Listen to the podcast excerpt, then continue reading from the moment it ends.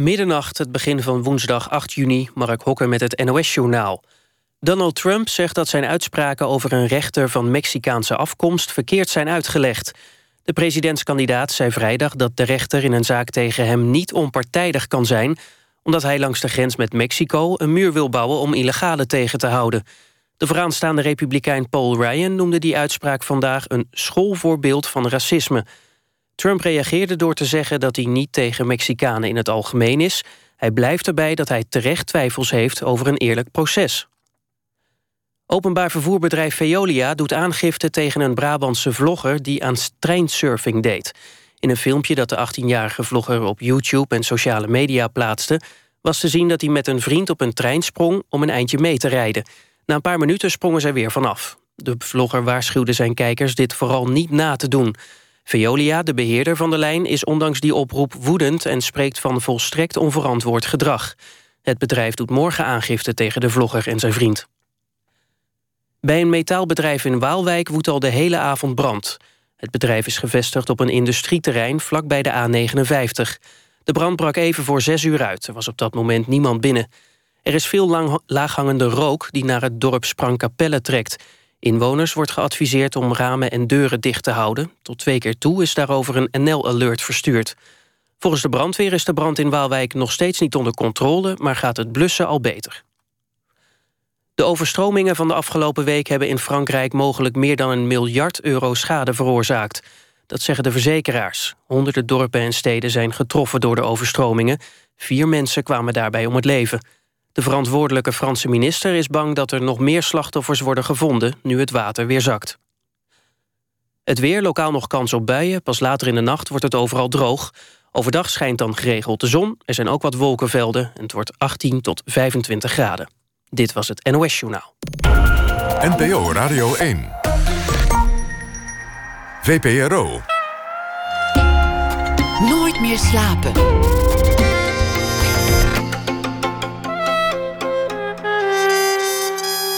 Met Pieter van der Wielen. Goedenacht en welkom bij Nooit meer slapen. Hoe maak je een strip van het leven van een beroemde kunstenaar? Daarover straks een gesprek met striptekenaars Robert van Raffe en Tipex. Tipex tekende het leven van Andy Warhol en Van Raffe stortte zich op Mondriaan. Hans Boland voltooide ook een groot project. Hij vertaalde de gedichten van Pushkin uit het Russisch en ook de brieven. Het laatste deel van het project is voltooid. Hij komt op bezoek na ene. We beginnen met Joost van den Toorn. Als je iets kunt voorstellen, dan bestaat het eigenlijk al zowat. Het zou bijna de levensmissie kunnen zijn van Van den Toorn. De fantasie, de inventiviteit en het ongebaande verkennen. Van den Toorn werd geboren in 1954 als zoon van een actrice en een handelaar in dranken. Als kind wilde hij alchemist worden. Hij blies al met zijn uh, kleine chemicus starterspakket bijna zijn jongenskamer op. Later werd het toch maar een opleiding farmacie, maar de medicijnkast bleek saaier dan gedacht, dus werd het uiteindelijk de Rietveld Academie. Explosieve kunst wil hij maken. Voor zijn beeldhouwwerk zou hij in 1990 de Leonardo da Vinci Award krijgen. In Leeuwarden, in het Keramiekmuseum al daar. En vanaf dit weekende ook in Groningen. In het Groninger Museum is oud en nieuw werk van hem te zien. In een eh, dubbeltentoonstelling Something to Believe in. Naar een liedje van de Ramones. In Leeuwarden is dat vooral keramiek. In Groningen vooral wat grotere beelden. Het zijn werken die je soms twee, misschien wel drie keer moet bekijken. Die misschien niet altijd meteen vertedering oproepen. Een afgehakt zwarte pieterhoofd. Hitler in een woedeaanval. Een obese Jezus Christus of Europa. Een werk uit 1997, een kerk waarvan de torens in vreemde richtingen groeien.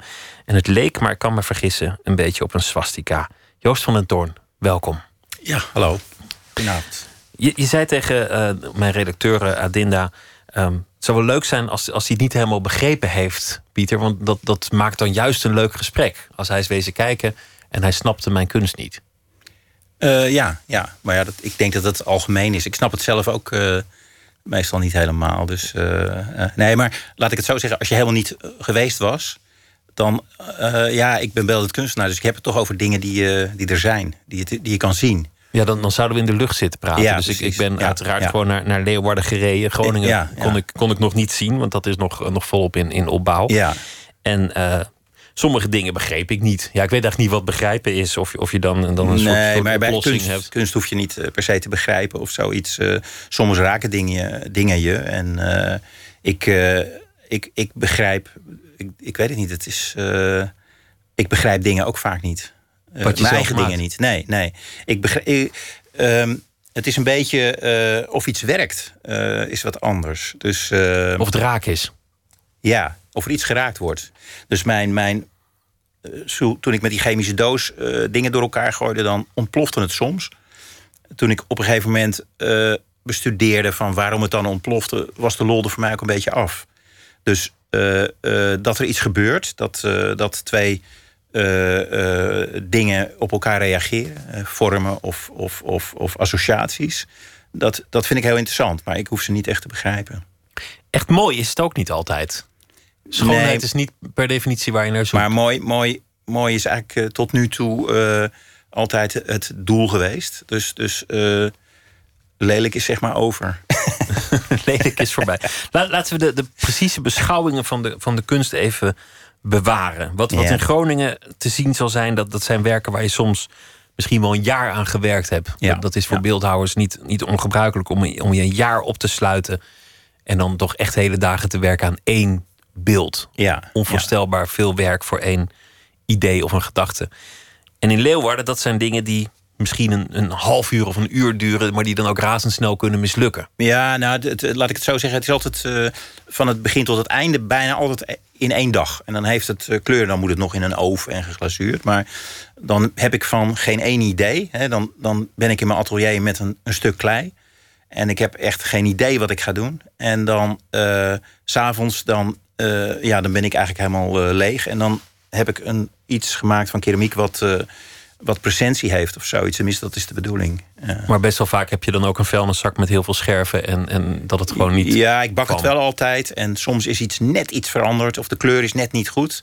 Ik, ik werk soms met, met pigmenten die, die bijvoorbeeld drie soorten grijs. En de ene grijs wordt, eh wordt persik roze. En de andere grijs wordt, eh, wordt geel. En de andere grijs wordt, eh, wordt zwart. En dat moet ik dan goed onthouden wat het ook weer was. En dat is best lastig. Als het dan uit de oven komt, dan kan het wel eens heel wat anders zijn geworden. En ergens wil je dat ook, want de kleine chemicus vond het niet meer leuk toen hij precies wist welke samenstellingen Exact, exact. werkten. Maar als het ontplofte zonder dat er Ja. een plan achter zat, Zo zit dan was dat. het plezier. Ja, zo zit dat. En ik heb soms, mijn vrouw is keramiste. Eh, die, eh, ja, die heeft verstand. Die weet dan bijvoorbeeld eh, rare middeleeuwse hele giftige glazuren. En die, die probeer ik dan uit. En kijken hoe de wind staat en of de school gesloten is. maar dat, dat vind ik dan heel spannend. Omdat er dan ook weer dingen gebeuren die, waar ik geen, geen, geen flauw idee van heb of zo. Ik, dat, ik vind dat heel erg spannend. Dan kan het een andere kleur krijgen of misschien een iets andere vorm of een andere textuur. Ja, ik heb, ik heb wel eens hè, die, die, zo'n bariumglazuur. Dat, dat is dan inderdaad net of er iemand overheen gekotst heeft. Maar dat kan dus soms net helemaal goed zijn. eh, ja. Laten we beginnen met de kleine chemicus die de hele wijk in Amsterdam wilde opblazen. De wijk was de Jordaan, als ik het, eh, als ik het nou, goed heb. ik, ik ben tot mijn, tot mijn vijfde in, eh, in, heb ik in, in Amsterdam gewoond. En daarna ben ik naar eh, zeg maar Heemstede Aardenhout, vlakbij het station Heemstede Aardenhout eh, verhuisd. En op je vijfde geven je ouders je nog geen uh, Nee, toen ik, toen ik zeg maar een jaar of acht was, had ik een chemische doos. En ik maakte voor die tijd al vaak in de keuken gif. Dus mijn vader die vertelde vaak dingen over de oorlog. Dat, ja, die had een beetje kwaai dronk. Dus dan zei hij, weet je wat we in de oorlog met mannetjes zoals jij deden. En dan, als er dan dus niemand thuis was, dan maakte ik in de keuken eh, mengsels van allerlei spullen. uh, gootsteen-ontstopper en uh, bleekwater. Of, of alles waar, uh, hoe noem je dat, mieren, lokdoos uh, inhoudt. En dan maakte ik een soort giftige koeken van... die ik dan verstopte en in de tuin begroef. begroef dat als de Duitsers weer terug zouden komen... dat ik dan uh, dat de rollen omgedraaid zouden zijn. En, en eigenlijk, ja, toen ik, toen ik een jaar of tien was... had ik echt een laboratorium met een paar duizend chemicaliën. Ik wist dus niet hoe het werkte en hoe het zat, maar ik, ik je had fascinatie vaak, was ja, je had, je had in de. Ik had dan zo'n chemiedoos, scheikunde voor iedereen van Philux. En daar stonden dan waarschuwingen bij wat je dan vooral heel voorzichtig mee moest zijn of niet moest doen. En dat waren dus net de dingen die ik. eh, ja, daar probeer ik dan. In plaats van een lucifer uit een reageerbuis, probeerde ik dan een vuilnisbak te lanceren, zeg maar. En eh, ja, dat maar was. als, je, als je vader handelaar in dranken uh, last had van een kwaaie dronk, dan, dan ja, ja, hij is dicht bij de materie, dus, dus dat zal misschien wel veel zijn voorgekomen. Dan zal hij niet altijd blij zijn geweest als die, als die zwavel rook wanneer hij thuis kwam, of, of erger. Werd ja, nou, op het was ook zo. Ik had de, de distilleerapparatuur van mijn opa. En eh, dus ik, ik, ik, eh, ik, hij gaf dan eh, zeg maar slechte wijn. En daar maakte ik dan een soort van cognac van.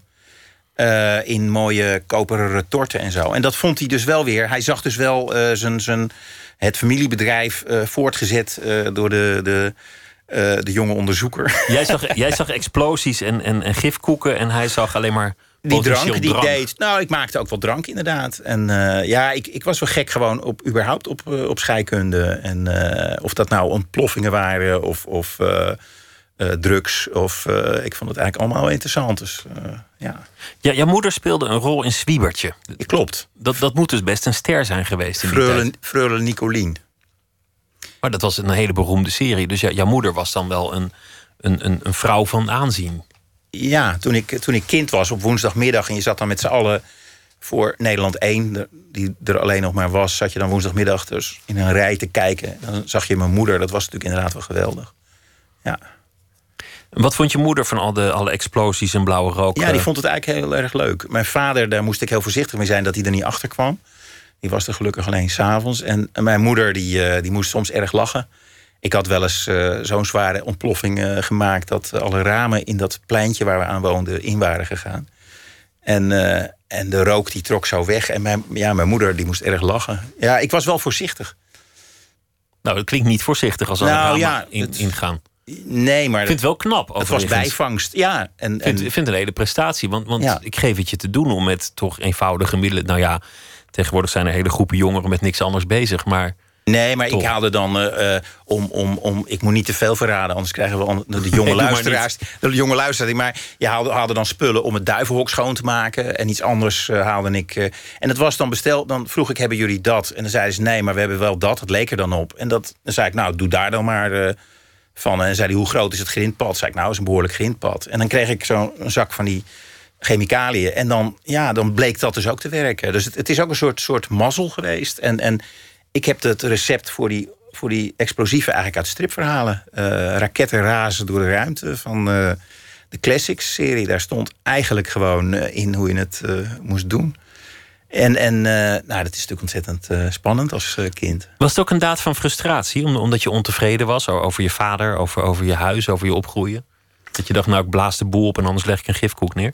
Zoiets, ja, ja, ja, dat zat er wel in. Ja, ja. Ik, ik, ik denk dat kunstenaarschap überhaupt wel uit een soort noodzaak eh, komt. Ehm, eh, het, eh, ja, het, het, het is natuurlijk wel heel goed voor, voor het kunstenaarschap om een beetje, hoe noem je dat, als tandpasta uit de tube te worden geperst, zeg maar. Om, om ergens een soort druk te voelen, om een beetje onder druk te staan. Ja, ja. Ik, nou ja, laat ik het zo zeggen. Niet, niet dat dat. Ik denk wel dat dat voor kunstenaars een, eh, een vereiste is. Eh, dat er een noodzaak is om het te maken. Want anders. eh, ja, dan zou ik niet snappen waarom je het doet. Anders kun je het ook niet doen. Nee. Dus er is natuurlijk niemand die je vraagt om, Ja. om het te gaan Ja. doen. Ja. En Met heel veel andere vakken zijn er heel veel mensen die je vragen om het te gaan doen, maar dat zijn vaak niet de leuke vakken. Nee, maar ik, ik ben eh, behoorlijk veel alleen gelaten.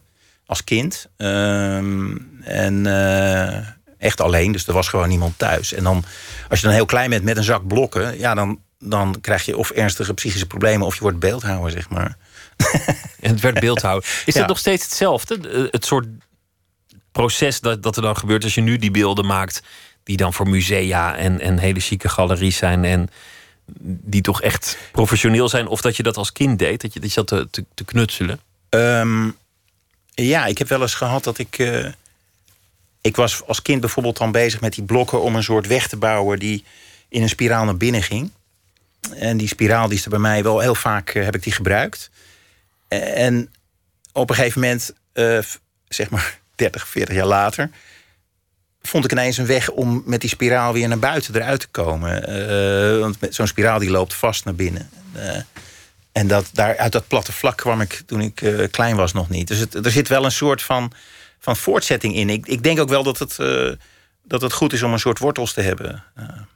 Dezelfde thema's fascineren, alleen nu, nu kom je verder daarin. ja, ja, ja, Je ging niet eh, scheikunde studeren, maar het werd farmacie. ja. dat ligt ook een beetje in de buurt van elkaar. Dan, dan kan je ook een voorstelling van maken van grote kokende potten waarin je allerlei dingen bij nou, elkaar farmacie gooit. had, had natuurlijk ook nog zoiets eh, dat je dan eh, in, in kruidentuinen gaat zoeken of, of in een bos naar eh, Werkzame plantjes. werkzame plantjes waar je dan weer iets uithaalt en dan maak je zalfjes van. Het heeft een. een, een, een toen ik het ging studeren, was die artsenijbereidkunde dus nog een, een, een. Het had er iets van een mysteriekant. Daarom, daarom vond ik het ook leuk om te doen. Dus. dus eh, ik, ik had in het tweede jaar eh, bleek dat ik ineens een marmot moest eh, opensnijden, darm eruit, spierverslapper erin en dan een gewichtje. En toen dat in vijf Levende minuten. marmot. Ja, die was wel verdoofd en zo. Maar ik bedoel dat toen ik dat hoorde, vijf minuten later, dat was gewoon het einde van mijn studie. Want ik, ik zei, kan ik, me, kan ik daar onderuit? En dan moest je die marmot ergens gaan halen in een soort kelder... waar dan ook allerlei honden in kooien. Nou, dat was voor mij meteen helemaal afgelopen. Meteen. Dus het was, ik hoefde er helemaal niet over na te denken. Dat is wel jammer, want het ging eigenlijk wel goed. Maar dat is, ja. En dat was dus ehm, eigenlijk Zo, nieuw. ja. Dat was nieuw. Want eh, toen ik die studie begon, was die artsenijbereidkunde... en dat eh, met die kruiden, dat was nog eh, een handwerk.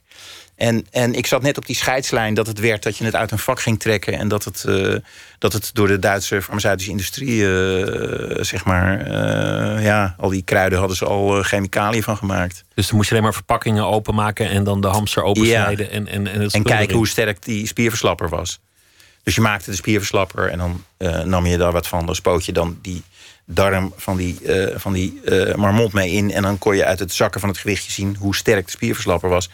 Maar ja, dat, dat ja, Nee, lijkt me ook niet een heel leuk Nee, klusje. nee, Iemand nee, moet het doen, ongetwijfeld. Maar ik niet in ieder geval. had je ook een, een fascinatie voor middelen? Was je ook iemand die zelf graag de medicijnkast eh, inspecteerde? Eh, ja, ik, ik, ik- Dus eigenlijk toen ik die explosieven... Ik verkocht ook explosieven toen ik een jaar of eh 12, 13 was. In de buurt. Aan wie? Aan eh, vriendjes. Anderen die raketten... Ik schoot raketten af. En, en het was wel fun. Twee trapsraketten en... en bazooka's schoten we mee op, op treinen. Het was levensgevaarlijk, maar we hebben het overleefd allemaal. En eh, ja, ik, ik, dat verkocht ik ook wel. En ehm, eh, het geld wat ik daarmee verdiende, daar kocht ik dan eh ja, hashies voor of LSD en dat soort dingen. En dat vond ik natuurlijk ook weer buitengewoon interessant. ja. Ja, LSD, dat, dat, dat, dat, ik heb het nooit geprobeerd. Maar nee, dat je kan het ook beter niet. Maar als je 14 bent, is het heel eh, goed om het. Vond, dat vond ik eigenlijk wel goed. Voor mij heeft het wel geholpen als. eh, voor mij kwam het eigenlijk wel goed. Want ik, ik denk dat ik eh, de, de, de, de, de geestelijke shit die ik van mijn vader had. Daar kon ik, me, daar kon ik eigenlijk wel. Dat hielp me wel. Dat, dat was een, voor mij een, een, een, een goede manier om, eh, om, om over angsten heen te komen. En, en over. eh, ja, van- een beetje los te komen van mijn vader, laat ik het zo zeggen. Om dingen anders te zien, om, om aan je eigen gedachten te ontsnappen. Ja, om, ja, om, om ja. je brein eens een andere kant op te kronkelen. Precies. Ja, ja. En om niet in, in een cirkel te blijven denken. In mijn geval was dat gunstig. Maar ik zou het ook niemand aanraden, eerlijk gezegd. Het verhaal was dat, dat, je, dat je met zes vriendjes uit je klas LSD zou gebruiken. En dat er, dat er maar eentje kwam opdagen, namelijk jijzelf. Ja, En dat je toen dacht, nou dan doe ik gewoon zes porties. ja klopt. Wat gebeurt er dan als je zes porties LSD in één keer achterover hebt? Nou, ik, het was wel een geweldige ervaring eigenlijk. Ja, ja, ja.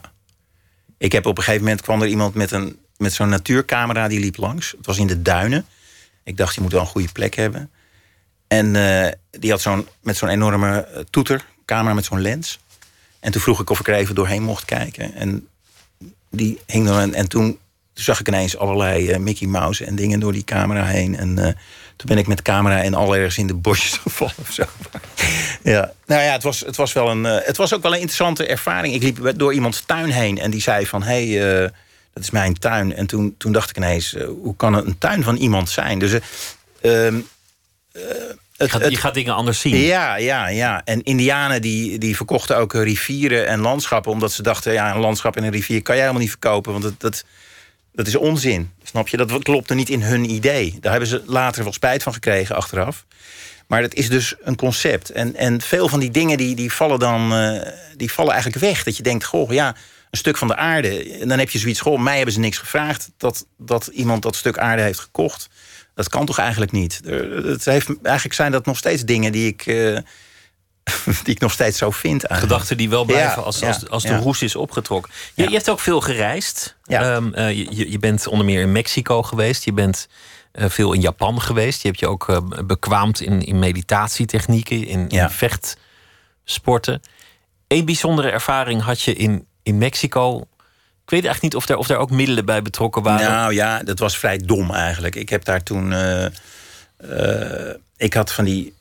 Het had geregend en ze verkochten van die paddenstoelen, eh, hele grote. En eh, dat wist ik echt niet. Het was in een tempelstad, Palenque. En op weg daar naartoe verkochten ze die paddenstoelen. En ze hadden alleen maar. Voor 2,5 gulden had je, een, had je gewoon, gewoon een halve kilo of zoiets. En eh, ik had één zo'n paddenstoel geslikt, omdat ik die in Mexico City in het museum had ik dan van die priesters gezien die dan op een klein bordje zo'n paddenstoel aten. Dus ik dacht, nou interessant, op zijn plaats in die tempelstad. En ik had er eentje gegeten en na een uur eh, gebeurde er niks. En toen eh, dacht ik van, nou ja, dit zijn dus gewoon eh, paddenstoelen. Ze waren wel lekker, gewoon een soort champignons. En toen dacht ik, ik kan nou weer een uur terugreizen naar het dorpje om een lunch te nemen. Ik kan ook gewoon die paddenstoelen opeten. en dat was niet zo'n goede set, niet zo'n slimme set. Maar ik ben daar toen ook naakt gearresteerd en dat soort dingen in, de, in die tempelstad. Vo- volledig. Ja, ik was helemaal door het lint gegaan. ervaring van een jaar, godservaring enzovoort. Maar ja, ook voor mij niet zo'n eh, niet zo'n slechte ervaring. Ja, het klinkt een beetje raar, maar het, ik ben niet geflipt of zo. Het, dat was wel iets waar, waar ik nog steeds wat aan heb. En het hoort voor jou ook echt bij de herinneringen die je even volwaardig telt als alle andere herinneringen. Ja, ja, ja. ja, Een herinnering van jouw moeder o- op het podium of jouw moeder. eh, eh, in Nou, kijk, mijn moeder op het podium in de stad Schouwburg. Daar herinner ik me van, dan was ik vijf. En dan zag ik dus, eh, dan liep ik dus daar de, die engelenbak. Hè. Ik, ik, eh, bij gebrek aan crashes liep ik, zwierf ik vaak door de stad Schouwburg. Als mijn moeder repeteerde, hè, die speelde bij de, bij de Nederlandse Comedie. Blij spelen. En dan had je een soort eh, oefenpubliek, zat er dan. En dan zaten zij daar te spelen, een soort... soort kijken of de lach, of de timing voor de lach goed was. En dan, dan zag ik dat publiek. En die zaten dan als een, als een kudde schapen allemaal hetzelfde te bewegen en, en te lachen en te grinniken. En dat vond ik echt verschrikkelijk. En dan had je een verhoging, daar stonden die acteurs op. En die knepen elkaar dan in hun kont. Of als mijn moeder iets serieus moest doen, dan trok iemand anders achter een raampje wat het publiek niet zag, zijn broek uit. En die, dus die waren dan aan het smieren, zeg maar. En ik vond het verschrikkelijk. Ja, dat klinkt raar, maar ik, toen ik vijf was... had ik een gruwelijke hekel aan toneel. Omdat ik het een soort bedrog vond. Ik vond het publiek gruwelijk. En ik vond de acteurs niet oké. En ehm, ja, bij mijn vader, die maakte eh, drank in eeuwenoude eikenhouten vaten. En dat, ja, die smaak werd gewoon gemaakt van een essence... die uit verbrande rubber kwam. Dat, dat wist ik ook wel. En dus dat vond ik ook weer een soort bedrog. En voor jou was dan wat veel andere zinsbegoocheling of ook een vorm van bedrog zouden, zouden noemen, namelijk een hallucinatoire ervaring. Dat was Eigenlijk niet. waarachtiger. Ja, ja, ja, ja. Dat Ja. is interessant. Ja, Je geeft ook af en toe eh, onbezoldigd les in, in vechttechnieken, waarbij je mensen nou, ik, leert. geef, er- ik geef er geen les in. nou, je begeleidt mensen bij zelfverdediging zonder te vechten. Nee, ik, ik, ik, ik, ik beoefen al 35 jaar Aikido. En ik beoefen al eh, nu een, een aantal jaren dat eh, soort, soort stok-zwaardvechten, Shinto Misoryu. En ik doe Shinto-meditatie. En eh, het zijn allemaal dingen die met iets van Shinto te maken hebben. En dat is een geweldloze eh, gevechtskunst. En dat is, het, het concept is natuurlijk al heel interessant. Een geweldloze gevechtskunst, dat spreekt zichzelf bijna tegen. En, eh, maar dat is wel heel, ja, heel interessant. Je moet meegaan met je tegenstander. Iemand belaagt jou en je moet juist zijn bewegingen volgen of misschien zelfs faciliteren. Je zou, je zou zelfs kunnen zeggen dat, eh, dat die aanvaller... Die, die staat ergens en die komt op jou af. En de veiligste plek is die plek waar hij vandaan komt. Dus ik neem zijn plek in. En daar zit iets interessants in. En dat is een beetje hetzelfde als dat ik... s'morgens eh, met allerlei plannen en ideeën mijn atelier inkom... en daar ligt een doodstuk klei. En dat ik s'avonds ge eigenlijk geheel zonder ego... eh, het atelier weer verlaat en daar een stuk klei staat waarmee ik van plaats ben verwisseld. Er zit een. het is, dat vind ik interessant. En je neemt de plek in van nou ja, je, je opponent of degene tegenover je. Ja, Dat kan ook de, de, de bekijker van jouw kunst zijn, de, de, de aanschouwer van, jou, van jouw werk. zo'n wisselwerking is het. Ja, ja. De kleine chemicus wilde explosieve dingen maken. Liefst uit onvoorspelbare materie, maar hoe groter de knal, hoe mooier. Dat is eigenlijk wat je met kunst ook probeert. Op een veiliger manier. Maar je hoopt wel dat het, dat, het een, dat het een knal geeft. Dat het iets teweeg Nou, dat brengt. wat gebeurt. Eh, het hoeft niet al, eh, kijk, het hoeft niet meer alleen maar een knal te zijn of zo. Het is niet altijd dat het, dat het over provoceren gaat. Maar ik vind het wel leuk als iets eh, twee kanten heeft.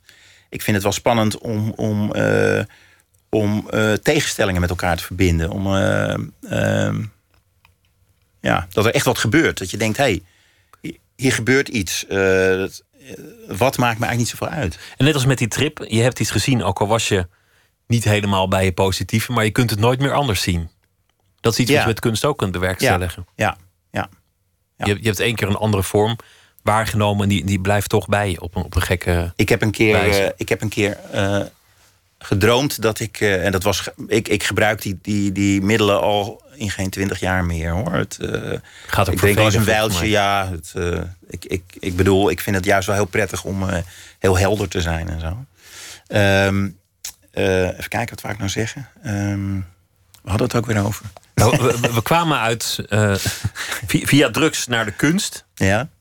En toen zei ik, ik gebruik het al twintig jaar niet meer. En daarvoor zei je, eh, je wilde iets gaan vertellen over dat proces van het maken, volgens mij. Eh, ja, ik ben, ik, de, de flow is even een beetje weg.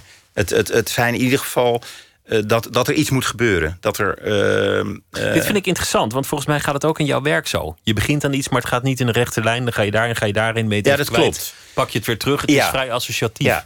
Dit, heb- dit is hoe jouw brein volgens mij. Ja, ik, heb- ik, heb, ik was een keer bezig met een pingwin. En, eh, en dat was wel een, een mooie pingwin geworden. Die is dan hol, hè? Van, van, in klei.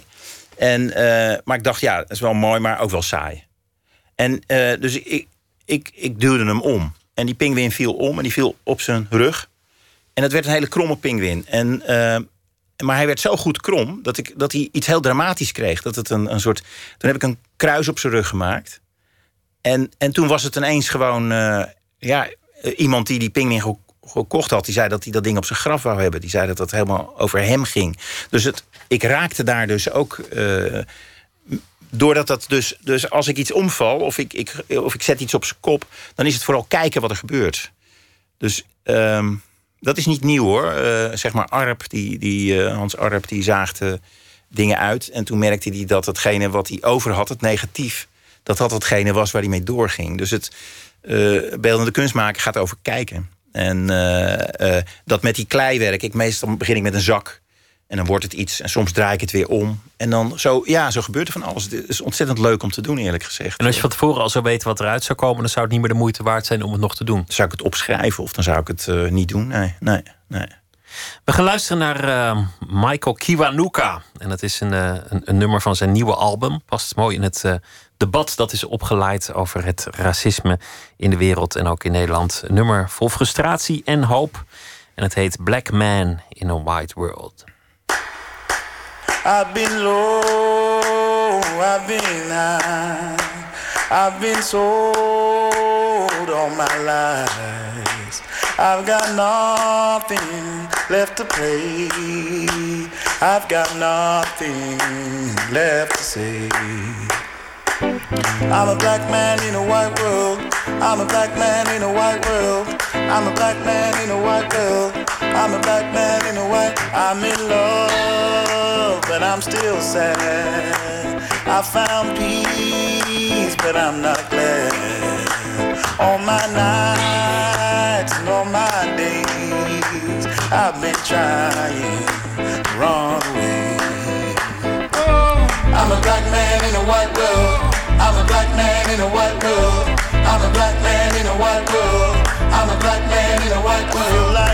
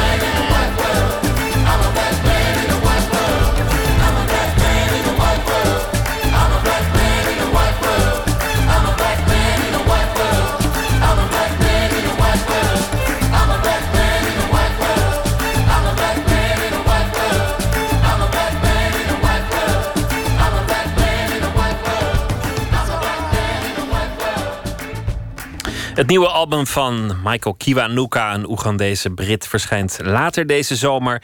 Het heet Love and Hate en dit nummer heet Black Man in a White World. Joost van den Toorn zit tegenover mij. We hebben het over uh, vele dingen gehad. En toen kwam er dat moment, het moet ergens in de jaren zeventig zijn geweest, dat je dacht, nou ja, die farmacie, dat is het niet. Een, hamster opensnijden en dan kijken wat er met de spierverslapper gebeurt. Laat maar zitten. Je had gereisd, je had eh, de wereld verkend. En je besloot om uiteindelijk die stap te nemen naar de kunst. Wat, vond je vader ervan? Wat vond je moeder ervan? Wat vonden andere mensen in je omgeving ervan? En, en hoe vastberaden was je? Ja, mijn, mijn vader. Uh, uh, ik werd aangenomen op de Rietveld. En toen vroeg mijn vader. Ik was nog uh, geen 21. En toen vroeg mijn vader vervroeg de dienstplicht voor me aan. Om te voorkomen dat je naar de Rietveld zou gaan? Die, ja, die dacht van dat dan, weet je wel, dan wordt hij een kerel en zo, het leger. En uh, ja, daar heb ik me wel op, op S5 laten afkeuren. Want dat was natuurlijk helemaal fantastisch uh, uh, om die Rietveld te doen. Maar die zag het dus niet echt bepaald zitten, weet je. En, ja, mijn moeder... S5, dat de, de, de, meeste luisteraars weten dat nog wel. Want die zijn nog van de generatie en hebben dat ook geprobeerd te krijgen, ongetwijfeld. Dat is dat je psychiatrisch niet stabiel ja, bent en ja. dus nooit een wapen in je hand moet krijgen. Precies, ja, ja, ja. Dat was gewoon een kwestie van, uh, van uh, een week of twee uh, niet slapen en zo. En veel koffie. Dat je gewoon helemaal vaag was. vaag was. En, en, en, en dan slikte ik een pilletje om, om, om een beetje een soort pep, om weer een beetje wakker. Dus dan, dan was het gewoon wel duidelijk dat ze dachten van nou die dat is een, een junk, weet je. En dan werd je afgekeurd. Ik dacht, ik doe het drastisch, want voor mij was die Rietveld ja, dat was uh, heel belangrijk. Ik, uh, ik had het op een gegeven moment besloten om, om kunstenaar te worden. En uh, ja, ik, dat was voor mij. Ik, ik werkte toen in het Marriott Hotel als barkelner. Ik was dus gestopt met die studie. En ik had. ja, ik had. Ik, dat leek me echt wat ik wilde doen. Dus die S5 was voor mij ontzettend belangrijk. Dat waren de jaren zeventig. een tijd waarin alle dogma's moesten worden doorbroken, alles moest worden bevrijd. En achteraf was dat eigenlijk dan gek genoeg juist ook weer vrij dogmatische kunst vaak wat werd gemaakt. Dat, dat juist dat die, die vrijheid ook weer een soort uh, beknellend ja, gegeven ik, werd. Ik, ik, bij velen. Ik ben een beetje begonnen zeg maar, in die minimal kunst, wat inderdaad nogal Calvinistisch is, zeg maar. En uh, ik, ik ging wel op de Rietveld ook al begon ik zeg maar. Uh, begon uh, zeg maar die, die, die punktijd een beetje door te werken. En uh, ja, dat voelde we heel goed. Ik werkte met papier maché en met gevonden voorwerpen en dat soort rommel. Dus, dus voor mij was het ook wel. Ik zag het ook wel als een bevrijding of zo, hoe ik ermee bezig was. Het was vooral na de, na de Rietveld Academie dat ik zeg maar losbrandde. En ja, het is wel heel spannend geweest. Je werk is wel eens vergeleken met uh, Picasso, om maar eens iemand te noemen. En, en nog heel veel andere namen. Maar jouw eigen interesse was ook vaak um, art brut. Dus, dus kunst van mensen met wat voor psychische gesteldheid dan ook. Ja, ja. Of, of kunst van, van zwak begaafd. Of eigenlijk kunst die niet bedoeld is uh, ja, voor, als ik, kunst. Ik vind eigenlijk... Uh, ik heb dan ook een behoorlijke verzameling van uh, zeg maar psychiatrische kunst. Het zijn dus kunstenaars die in een psychiatrische inrichting uh, kunst zijn gaan maken. En wat ik daar dan spannend aan vind, is dat het redelijk grenzeloos is. Dus dat, het, dat ze zich niet zo aan de regels houden.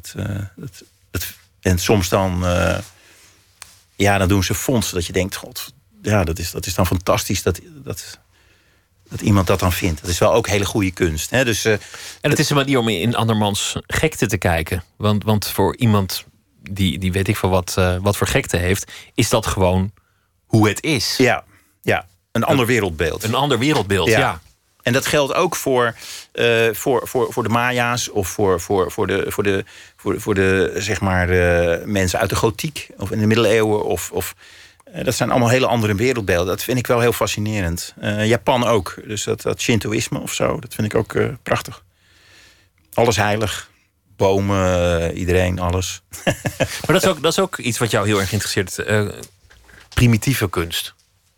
Ja, het is altijd primitief is, is meteen primitief een, is een alweer- lullig woord. Meteen, Precies, maar het is een beetje net als outsider kunst. Dat is, is wat beledigend. Daar zet je mensen mee weg, zeg maar. En dus met primitieve kunst is natuurlijk ook een beetje... Ja, soms dan, dan heb je kunst die al, al, al...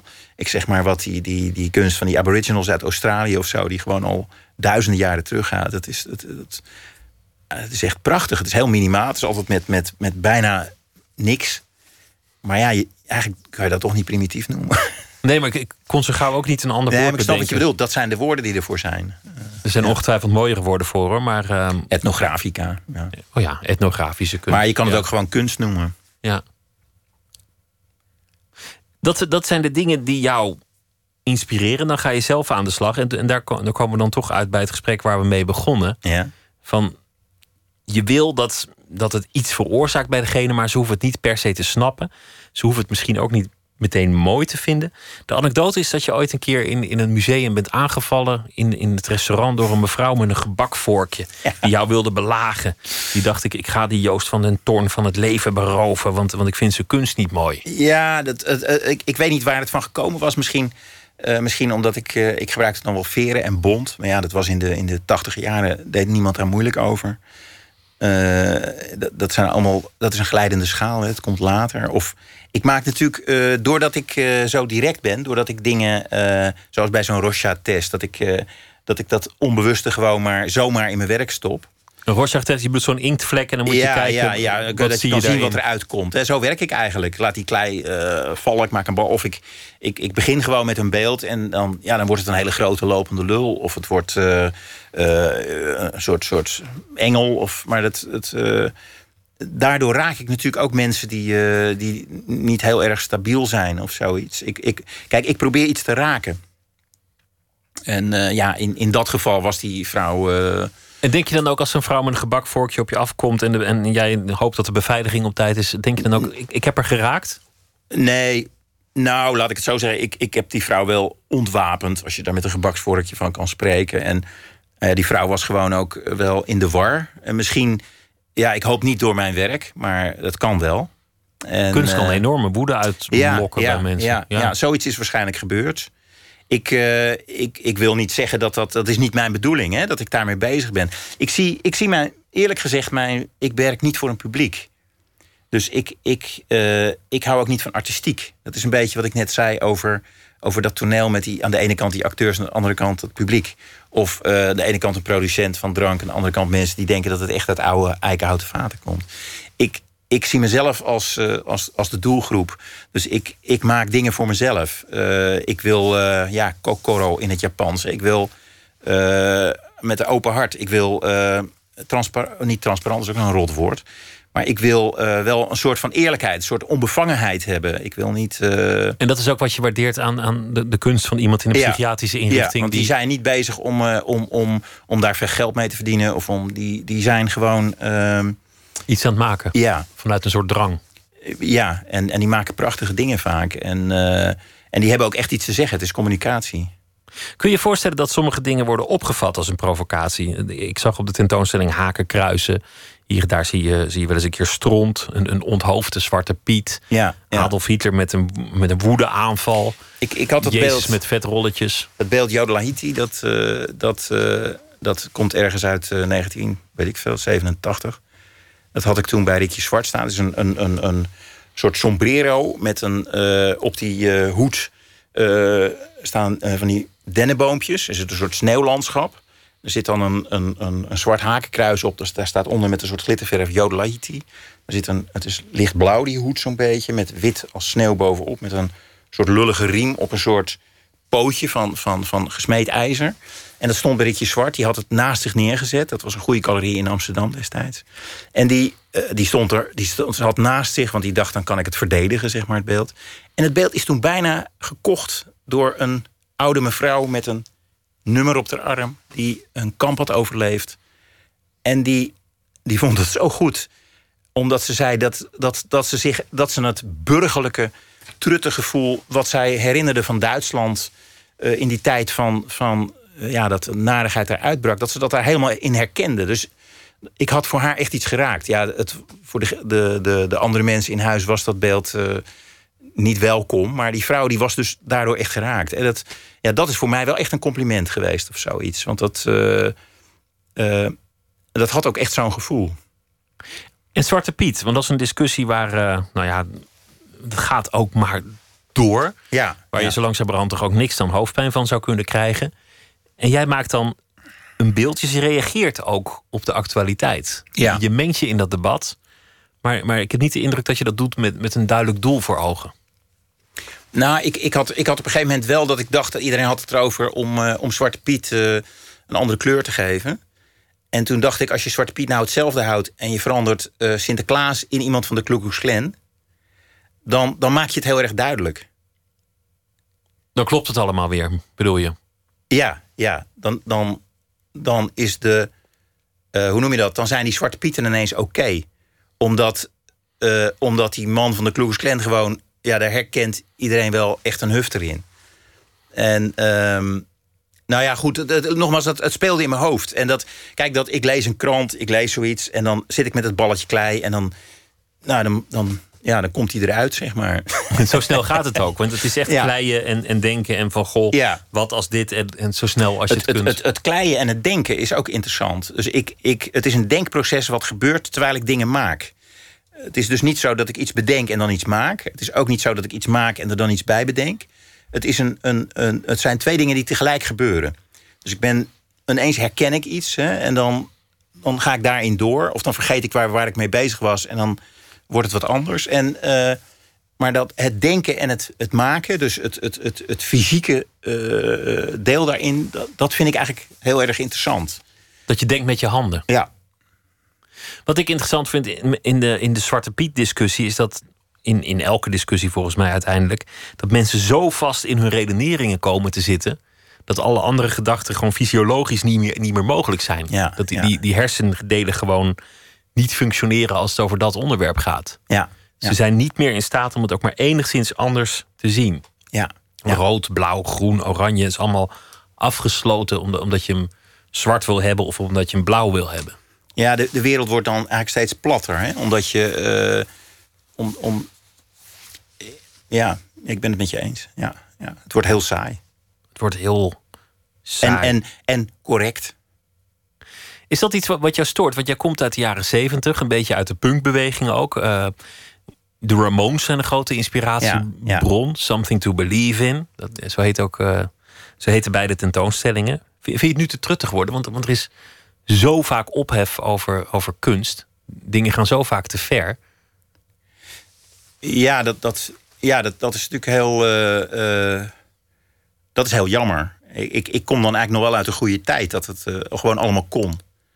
En nu, nu zijn er wel bepaalde dingen waar je dan heel voorzichtig mee moet zijn, omdat je anders misschien in een oranje overal eh, onthoofd wordt of zo, weet je. En, eh, en dat, dat, dat vind ik wel heel, heel akelig. Kijk, eh, mensen zijn natuurlijk toch een zo- zoogdieren die op een achterpoten lopen. En zo zie ik het een beetje. Ik, ik, ik, ik vind dus al dat plat redeneren en, en dat dat. Die zwarte Piet is, is eigenlijk best goed dat hij er is om erover na te denken waar we vandaan komen. Dat we gewoon eh, uit, uit vrij primitieve wortels komen, waarbij, we, waarbij dat de geschiedenis is. Als je dat helemaal weggumt, dan, dan doe je net of dat nooit gebeurd is of zo. Dat dat. eh, Dat, Ik- is, het, dat is het verleden. Het is een, een overblijfsel van dat.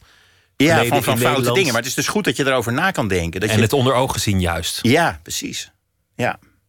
Dat is ook een manier waarop je er tegenaan kunt, kunt kijken. Ja, ja, ja. Net als de Tweede Wereldoorlog, of, of noem het maar op. Eh, eh, Hitler die, eh, die, die, die in Duitsland deed wat, wat alle andere landen in de koloniën deden. Tussen de 10 en de 50 miljoen dode Congolezen door Leopold II. Het zijn, zijn allemaal, allemaal dingen waar, als je er goed over nadenkt, dan, dan is het shocking of zo. Dan is het toch ja, zo geavanceerd en, en, en mensen hebben een te hoog beeld over zichzelf. Mensen zouden. eh, er is ook niemand helemaal normaal. Eh, Die normale mensen bestaan helemaal niet. Eh, we, we leven in een hele narcistische maatschappij. Waarbij het heel erg gestimuleerd wordt om, om, om je zakken te vullen. Om, om te winnen van anderen. En, en dat is eigenlijk heel akelig. Dat is ook heel primitief. Dat doen gorilla's ook. En dan noemen we, ik deed het net zelf ook, dan noemen we dat primitieve kunst wel wij misschien in bepaalde opzichten veel primitiever zijn. Al die woorden die wij gebruiken, primitieve kunst, Ainu, India, zijn eigenlijk allemaal beledigingen voor, eh, voor, eh, eh, voor die mensen. Maar ja, dat, dat, zo, is, zo zit die geschiedenis in elkaar.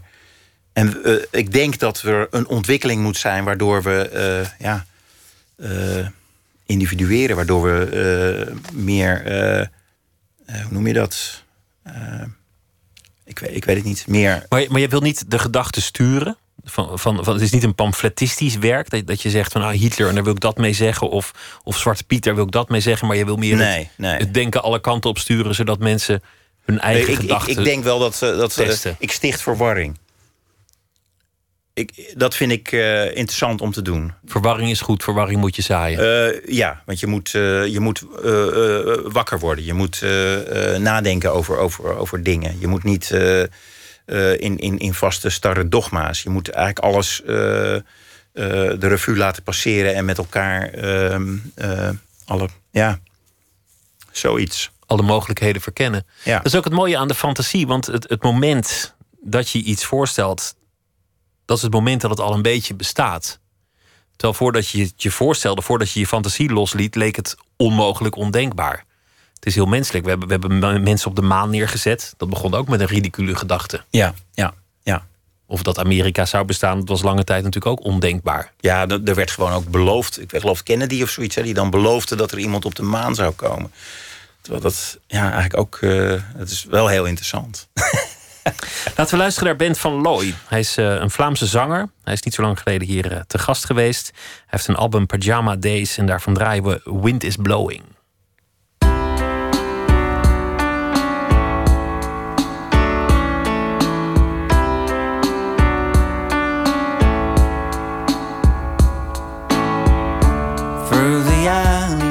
Downtown.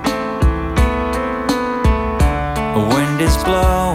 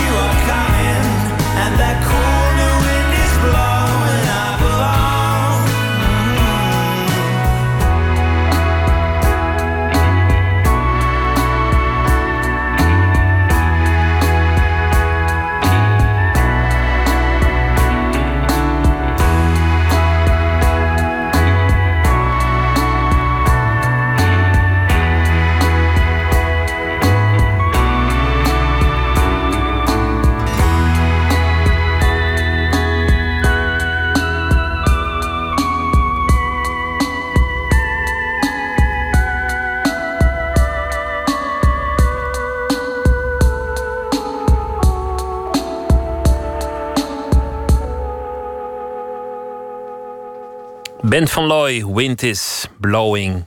Tegenover mij zit Joost van den Toorn. We hebben het al eh, over veel dingen gehad. Er is een uh, dubbel expositie in Leeuwarden en in Groningen. In het Groninger Museum en in het uh, Keramiekmuseum in Leeuwarden. Something to Believe in met beelden. Een uh, zo'n beetje van, van werk dat hij in de loop der jaren heeft gemaakt. Na een loopbaan van alweer nou, 40 jaar dat je in het vak zit ongeveer. Ik wil het met je ook nog hebben over de melancholie. Dat is ook een aspect van je werk. Nu, nu klinkt het alsof het allemaal pret is en onverwachtheid en provocatie en, en snelheid. Hmm. En, en uh, misschien af en toe ontwrichtend of maf. Maar er zit altijd een laagje melancholie onder. Ja, ja. Ik, uh, eigenlijk de kunst waar ik uh, echt van hou, dat is bijvoorbeeld Dode Eiland van Bucklin. Hè, dat, of schilderij van Caspar David Friedrich. En dat zijn ja, dan zie je mensen uh, op hun rug. En dan zie je zo'n landschap. Het, uh, ik vind uh, dat, ja, of de Gouf de Nunk, dat soort kunst, vind ik altijd heel erg goed. Omdat er een soort verlatenheid in zit of zoiets. Ik, de eenzame man overweldigd door de wilde natuur. Ja, ja, ja. Die zich nietig voelt of verloren. Ja, het is natuurlijk een beetje misschien sentimenteel, maar ik, ik vind dat wel de, de, de meest fantastische kunst. Ja, ook, ook um, um, hoe heet het, die, die kathedraal Chartres. Daar gaat voor mij ook een ongelofelijke melancholie van uit. dat vind ik ook echt prachtig. Daar, daar krijg ik ook echt daar schiet ik vol van. Al was het maar omdat het, dat het een kathedraal is waar nooit een reusachtige stad omheen is gekomen. Dat nee, niet, ja, ja. Zoals de Notre Dame kreeg Parijs, maar ja, Chartres, ja. Dan, dan is er die enorme kathedraal in, in dat, dat vrij kleine stadje. Ja, en dan die koeien op die torens die er staan. En, uh, en zo'n soort doolhof erin. Ja, ik vind het echt uh, prachtig.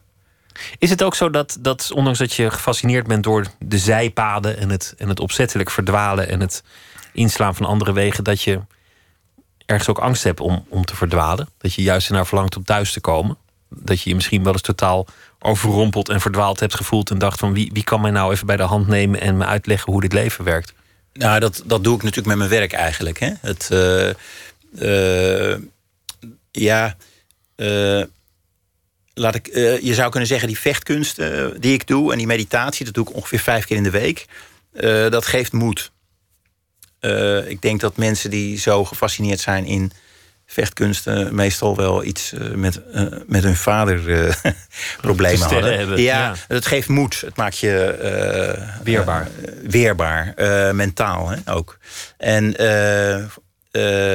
ja, en die, die, die, met die kunst van me peil ik mezelf ook. En, en kom ik ook thuis. ik, ja, ja, het is natuurlijk kunst maken als, als iets echt lukt als ik echt uh, iets maak dat ik denk van nou, dit is gewoon helemaal raak of zo. Dat is of wel, ja, dat, dat is volgens mij net zoiets als de, de Mount Everest beklimmen. Of, uh, of uh, dat is wel echt ultiem. Kunst maken, als dat lukt, dat is niet makkelijk, maar af en toe dan lukt het echt. Dat is wel echt heel erg ruim kicken. Die vader is niet zo lang geleden overleden. Nou, dat is alweer een tijd geleden hoor, 2000. Oh ja. Ja, ja. Nou ja, dat is ja. inderdaad lang geleden alweer, 16 jaar. Ja. 16 jaar terug. Ja. ja. Dat betekent dat al die gesprekken die je misschien ooit had willen voeren, niet meer gevoerd gaan worden? Of is, is dat niet jammer? Nee, dat zat, dat, zat, dat zat eigenlijk. Mijn, mijn moeder, die is een paar jaar geleden overleden, dat, uh, dat heeft er flink ingehakt. Daar was ik echt, uh, uh, ja, dat was mijn beste vriend. Maar mijn vader, ja, dat is hard om te zeggen. Dat mag je misschien ook helemaal niet zeggen. Maar dat was wel een soort van opluchting. Mijn vader die gaf altijd straffen die ik nog te goed had. En, uh, en dat, dat viel dan van me af. Toen dacht ik, goh, dat, uh, die straf... Dat, uh, ja. Alle rekeningen zijn nu betaald. Precies, ja. ja, ja. En ja, nee, daar was niet zoveel meer mee uit te praten eigenlijk. Nee. Dan ben je, nou ja, wat zal het zijn, inmiddels 62. Ja, je, klopt. Ja. En dan is er die dwarsdoorsnee van, ja, en eigenlijk ook nog een vrij selectief selectieve greep van al die dingen die je hebt gemaakt. Wat is dan voor jouzelf de weerslag van zo'n zo leven dat, nou ja, ook maar gewoon zo verliep zoals het ging. En dan ja, ja. en heel veel dingen maken en af en toe dan lukt iets echt. Je noemt dat de top van de Mount Everest. Als nou, wat, wat heel leuk is, is dat, uh, dat uh, die tentoonstelling in het Groningen Museum, dat is natuurlijk uh, het museum wat al in de tachtiger jaren eh, vroeg in de tachtig jaren werk van me kocht. Mijn eerste werken. En dat werd, die werden gekocht door Frans Haks van het Groningen Museum. En eh, ja, dat, eh, ja, die kocht hij dan uit de keuken van een galerie waar ik dan exposeerde. Ik mocht niet in de, in de echte galerie, maar wel in de keuken. Maar hij kocht daar dan dingen en ik dacht, ja, het Groningen Museum, weet je. Ik, ik had echt zoiets van, ja, het, kan dat zijn, weet je. En, eh, maar ik had wel een soort helden. En die had ik dan wel uit internationale bladen gezien. Lenningen Smit, Arch Connolly, eh, eh, Ronda Schwillinger. En die bleken daar ineens allemaal te zien te zijn. Dus dat was, ik viel echt met mijn neus in de boter. En, en dat was een ontzettende kick. En, eh, en dat, die, dat die man werk van mij kocht en, en daar liet zien. Ja, dat, en, en dat staat er dus nu weer. En dat is, dat is wel heel leuk. Er zit een hele tijd tussen. Eh, ze hebben ook een, eh, een, een, een stuk gekocht nog, dat Europa. Dat is ja, ook fantastisch. Dat past daar heel goed bij. Dus het is voor mij ook een soort over thuiskomen gesproken. Zoiets. En, en Leeuwarden, dat vind ik ook heel spannend. Een soort, soort schetsboek. Eh, maar nogmaals, ik ben nog lang niet klaar hoor. Het, eh, het- Je kijkt nog niet terug zelf. Nee, nee, nee. nee. En dat stuk Europa, het is nog uit 1997. Dat was het jaar van het grote optimisme. Dat, dat we Blair en Kok door Amsterdam eh, fietsen te zien kregen. En dat, dat is een raar werk, want het is een kerk die vergroeit en die torens gaan alle kanten op. Er hangt een soort zak aan. Is het een zak met duiten of is het een, is het een, Een? Wat, wat is ja, het eigenlijk? Ja, ja, ja. En, en is het nou een swastika of niet? Ja, ik, ik, had, eh, ik had het beeld, eh, dat stond eh, toen op, een, op een opening. Waar was dat? Bij Den Bosch in de buurt. Zo'n hele bekende galerie. En een beetje chique galerie. En daar stond dat beeld. En die, die galerist die had, het, die had het swastika niet herkend. En dat was dus de opening. En het is allemaal mensen in, in, in mooie kleren. En, en toen gebeurden er twee dingen tegelijk. Er was een vrouw die bukte om een signatuur te lezen. En die ging weer staan. En die haalde haar op- hoofd open, heel akelig, aan een kruis wat er dus vooruit steekt. En er kwam ineens bloed uit. En toen zei de galeriehouder, goh, het lijkt wel een swastika. En toen was vijf minuten later was de hele tentoonstelling leeg, weet je. En eh, ja, dat was dus ook raak. Dat was zeker eh, raak. Te zien in Groningen en Leeuwarden. Joost van den Toorn, dankjewel. Something to believe in. Dat is leuk. eh. Ja, Dankjewel. Ja, oké.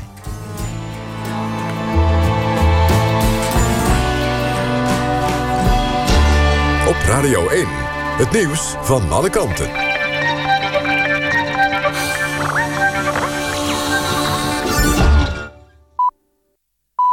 1 uur, Mark Hokker met het NOS-journaal. Openbaar vervoerbedrijf Veolia doet aangifte tegen een Brabantse vlogger... die aan treinsurfing deed. In een filmpje dat de 18-jarige vlogger op YouTube en sociale media plaatste... was te zien dat hij met een vriend op het dak van een trein was geklommen... om een eindje mee te rijden. Na een paar minuten sprongen zij weer vanaf. De vlogger waarschuwde zijn kijkers zijn actie vooral niet na te doen. Veolia, de beheerder van de lijn, is ondanks die oproep woedend... en spreekt van volstrekt onverantwoord gedrag. Het bedrijf doet vandaag aangifte tegen de vlogger en zijn vriend. De overstromingen van de afgelopen week hebben in Frankrijk... mogelijk meer dan een miljard euro schade veroorzaakt. Dat zeggen de verzekeraars. Honderden dorpen en steden zijn getroffen door de overstromingen. Vier mensen zijn daarbij om het leven gekomen. De verantwoordelijke Franse minister is bang dat er nog meer slachtoffers worden gevonden... nu het water weer zakt. In Urk is een actie opgezet om geld in te zamelen... voor de slachtoffers van de gasexplosie van afgelopen vrijdag. Bij die explosie en de daaropvolgende brand werden zes huizen verwoest.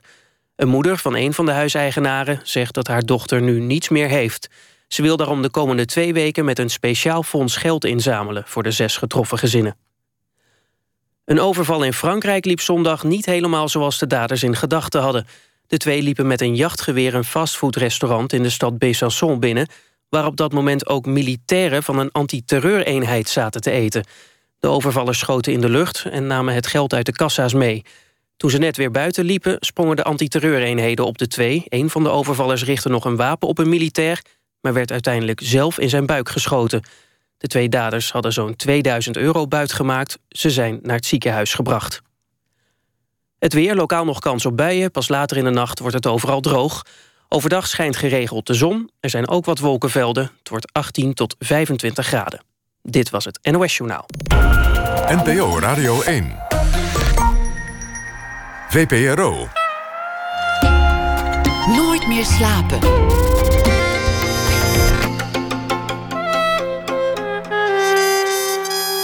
met Pieter van der Wielen. Straks een gesprek met tekenaars Typex en Robert van Raffen over het verstrippen van kunstenaarslevens. Typex werkt aan de getekende biografie van Andy Warhol. En Robert van Raffen heeft zich gestort op Mondriaan. Slavist en vertaler Hans Boland komt langs. Sinds 1999 werkt hij aan de vertaling van al het werk van Alexander Pushkin. En nu, met de laatste twee delen, heeft hij dat werk voltooid. We beginnen met Thomas Heerma van Vos. Hij is schrijver en deze week zal hij elke nacht een verhaal maken bij de voorbije dag en dat uh, voordragen. Thomas, goeienacht. Goeienacht, Pieter. Vertel eens, wat, uh, wat was dit eigenlijk voor, uh, voor dag? Nou, ik las net headline op nu.nl dat het gebakkelei tussen Turkije en Duitsland weer doorgaat. En vanochtend vroeg attendeerde iemand mij op een opiniestuk uit het Parool. En dat ging over de uh, polarisatie in, uh, Nederland, over uh, racisme.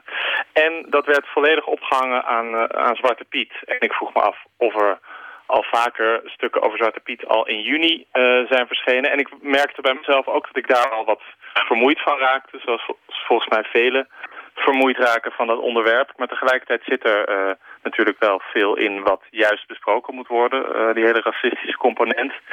En daar gaat de laatste tijd ook veel over. Uh, en dat vooral aan de hand van Typhoon. En daar heb ik ook mijn uh, stukje aan opgehangen. Dus niet zozeer over dat opiniestuk in, in, in het parool. Want Zwarte Piet wil ik er nog even buiten laten. Maar wel aan Typhoon. Ja, we hadden het net ook alweer over Zwarte Piet... omdat ik hem bij een expositie tegen het lijf liep. In onthoofde vorm weliswaar. Maar ik ben benieuwd naar je verhaal. Ga je gang. Typhoon werd in de Volkskrant vanochtend vergeleken met Jezus van Nazareth. De reden? Hij blijft altijd kalm, hoopvol, zonder een spoor van cynisme. De aanleiding? Een voorval van afgelopen week toen hij, Typhoon dus, werd aangehouden in een grote glimmende auto die volgens de dienstdoende agenten niet bij zijn profiel paste. Het wakkerde een discussie aan over etnisch profileren, het filter op afkomst, om sneller een verdachte te kunnen aanhouden. Typhoon werd uitgenodigd door minister Art van der Steur. En Typhoon gaat, zo is inmiddels bekend, op die uitnodiging in. Zal dat enig verschil maken? Zal dat op den duur enig racisme in Nederland doen minderen? Ik betwijfel het. Het lastigste aan deze hele grote kwestie is niet eens dat het om een heel gevoelig onderwerp gaat, maar dat mensen zoveel verschillende discussies door elkaar voeren. Sommigen ontkennen nog steeds dat racisme überhaupt bestaat en blijven daarover discussiëren. Anderen ontkennen het niet, maar hebben er gewoon geen moeite mee. Gisteren werd nog aangetoond door de NOS dat twee op de drie Nederlanders etnisch profileren steunt. Valt de agent die Typhoon aanhoudt alleen vanwege zijn uiterlijk in combinatie met zijn auto, dan eigenlijk iets te verwijten. Dient de politie niet een uitvoerende macht te zijn van de politiek en die op haar beurt weer een afspiegeling van de samenleving. Daarnaast, op deze wijze profileren heeft natuurlijk niet alleen maar met huidskleur te maken maar ook bijvoorbeeld met gemiddelde inkomsten van een bevolkingsgroep. En hoe kun je de afwegingen van een agent uiteindelijk aantonen en de motieven? Een jaar geleden had ik het in dit, in dit programma over Mitch Henriquez, een Haagse Arubaan die om het leven kwam door politiegeweld. Er barstte een discussie los over institutioneel racisme, maar hoe toon je zoiets aan? Die poging van Typhoon om het systeem van binnenuit te veranderen en de dialoog aan te gaan, die is prijzenswaardig. Tegelijkertijd denk ik, in zo'n complexe zaak hebben eeuwig positieve woorden van één donker iemand weinig effect. Niet voor niets merkt zijn platenbaas Kees de Koning in de Volkskrant vanochtend op... Soms is Typhoon iets te beschaafd wat mij betreft. Ik denk wel eens, Typhoon, je mag ook vloeken hoor. Einde citaat. Ali B, een andere rapper, heeft zich sinds zijn doorbraak veelvuldig ingezet voor het nationale debat. Vol begrip en goed lachsheid. Onze knuffel maar ook aan. Je kunt je afvragen of het niet meer effect zou hebben als hij af en toe niet begripvol zou zijn, maar met zijn vuist op tafel zou slaan. Of een agent, agent zou uitschelden die hem vanwege zijn huidskleur staande houdt.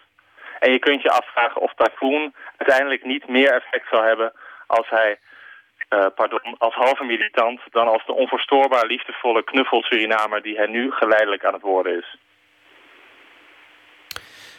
Interessante beschouwingen bij een uh, debat dat in alle hevigheid uh, loswaait over uh, het racisme in Nederland. Dat steeds openlijker het daglicht begint te aanschouwen. Thomas Heerma van Vos, dank je wel. Goeienacht. En morgen, Pieter. Morgen, morgen weer een verhaal.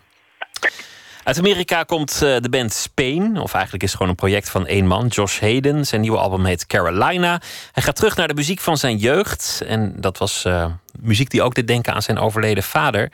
Dat was uh, jazzbassist Charlie Hayden. Zijn album klinkt helemaal niet als jazz. We gaan luisteren naar One Last Look.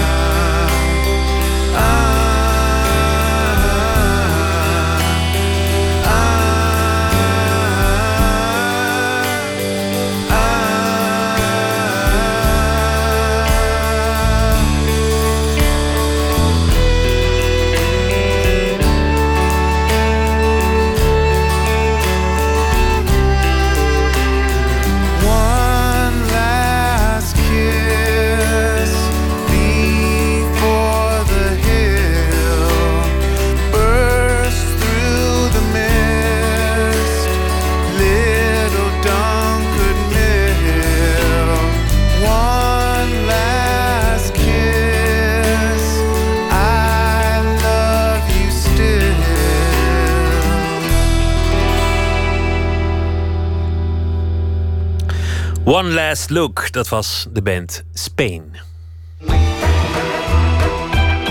Nooit meer slapen. Het lijkt erop dat striptekenaars zich de laatste jaren hebben gestort op de biografie. De getekende biografie wel te verstaan. Galerie 37 PK in Haarlem heeft er vanwege de stripdagen zelfs een hele tentoonstelling aan gewijd. En wie de galerie bezoekt, komt er snel achter dat stripbiografen een sterke voorkeur hebben voor de levens van schilders. Matthijs Steen die sprak met tekenaars Typex en Robert van Raffen. Allebei zijn ze bezig met zo'n eh, stripbiografie.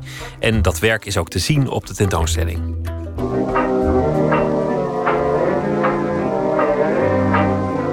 Striptekenaars die schilders portretteren. Is eigenlijk ook wel een voor de hand liggende keuze. Het zijn toch vakgenoten. Je begrijpt elkaar. In de Galerie 37 PK in Haarlem hangen verstripte scènes uit de levens van bijvoorbeeld Vincent van Gogh, Jeroen Bos en Rembrandt.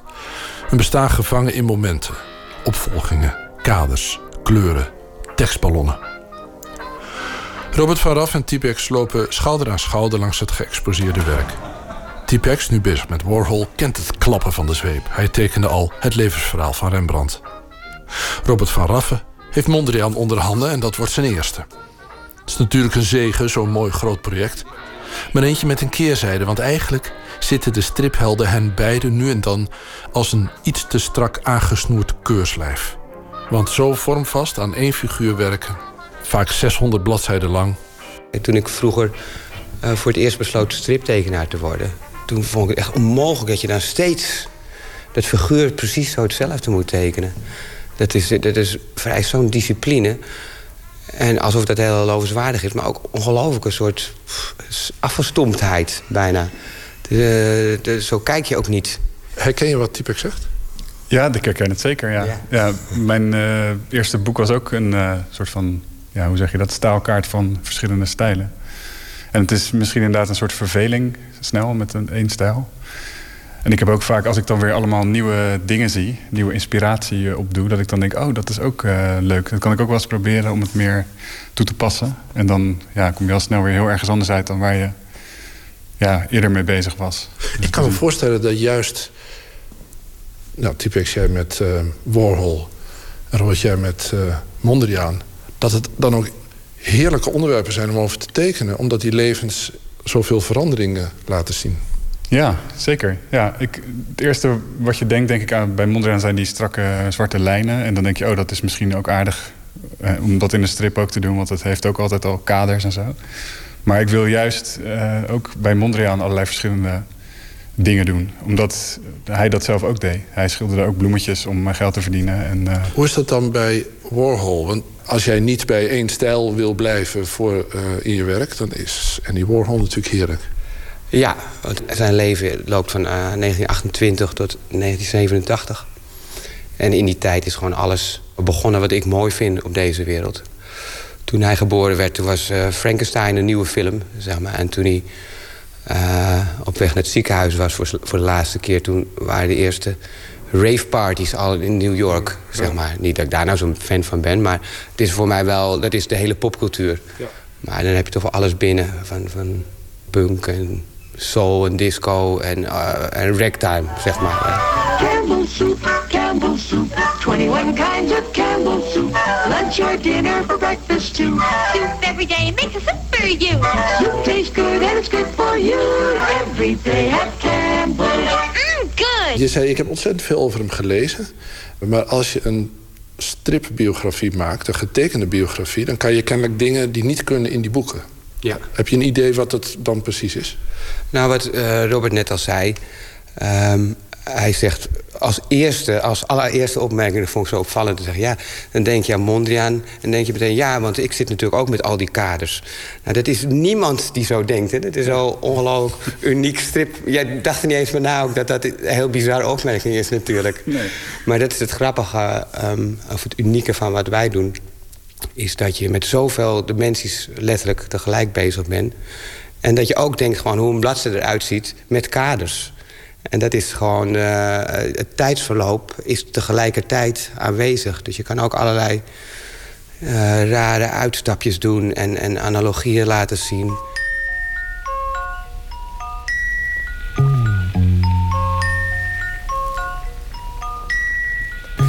Ik denk dat uh, het mooie van deze stripbiografie is dat je kan een bepaalde versie van Warhol of van Mondriaan laten zien die je in een boek niet kan laten zien. Of eigenlijk een versie uh, creëren is het eigenlijk meer. Want jij zei net ook van hij is altijd verkeerd geportretteerd. En toen vroeg ik me ook af van ga jij nou, wil jij nu de, de echte Warhol laten zien of wordt het gewoon het wordt eigenlijk jouw Warhol, toch? Of in ieder geval de, dat wordt het altijd. een soort nieuwe Warhol. Dat ga jij ook doen. Het wordt ja. uh, Raffi's Mondriaan. Ja, en het wordt uh, Typex Andy natuurlijk. Uh. Is het zo dat jij, omdat jullie collega's zijn in zekere zin... Dat, hmm. dat, je, dat je ook naar verwantschap zoekt... en dat je hem op een niveau begrijpt die een historicus of kunsthistoricus niet heeft?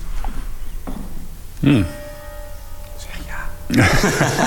ja, wat zou jij erop zeggen? Ja, ja. Ik zou ja, wel ja zeggen, maar ik probeerde gelijk een soort verantwoording voor die ja te, te bedenken. Je bent toch ook gewoon... Je, je, doet toch hetzelfde dat hij doet, alleen op een andere manier. Ik bedoel, je bent met andere thema's bezig. Maar... Ja, dat, dat klopt. Ja, ja. Nou ja, bij Mondriaan zoekt het uiteindelijk in de pure abstractie. En dat is een weg die ik zelf niet uh, opga. Dat kan toch ook eigenlijk niet als striptekenaar, of wel? Een 100% abstracte strip, dat, uh, dat kan denk ik niet. Wat denk jij, Tip? Onze vriend Wasco is daar... eh, Die probeert dat. is dat aan het uitproberen. Ja. Hoe ver die daarin kan gaan. Jij zei zo net van ja, zeg maar ja, want eh, eh, je bent toch eigenlijk met hetzelfde bezig. Voel je dan zo'n soort verwantschap groeien met Warhol? nou, ik vind, we leiden allemaal een, een soort van artiestenleven. En, dus je weet allemaal wat het is gewoon om, om ook, dat je ook aan de kost moet komen met wat je doet. Ja. Maar dat je ook die veel grotere ambities hebt. En hoe ga je die er doorheen drukken? De, de, de bloemetjes van Mondriaan. Ja, de bloemetjes die Mondriaan schilderde, om, eh, die verkochten namelijk wel goed. Dus die, die schilderde die eh, tegen heugenmeugen om geld te verdienen. Maar dat was helemaal niet eh, hoe hij zag, waar hij dacht dat de kunst heen moest gaan. Hij wilde juist iets totaal nieuws creëren.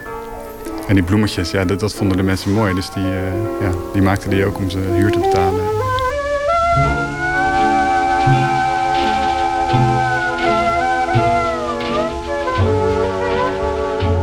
Even kijken naar, eh, naar wat je... Want, want eh, dit is ook eh, werk in wording.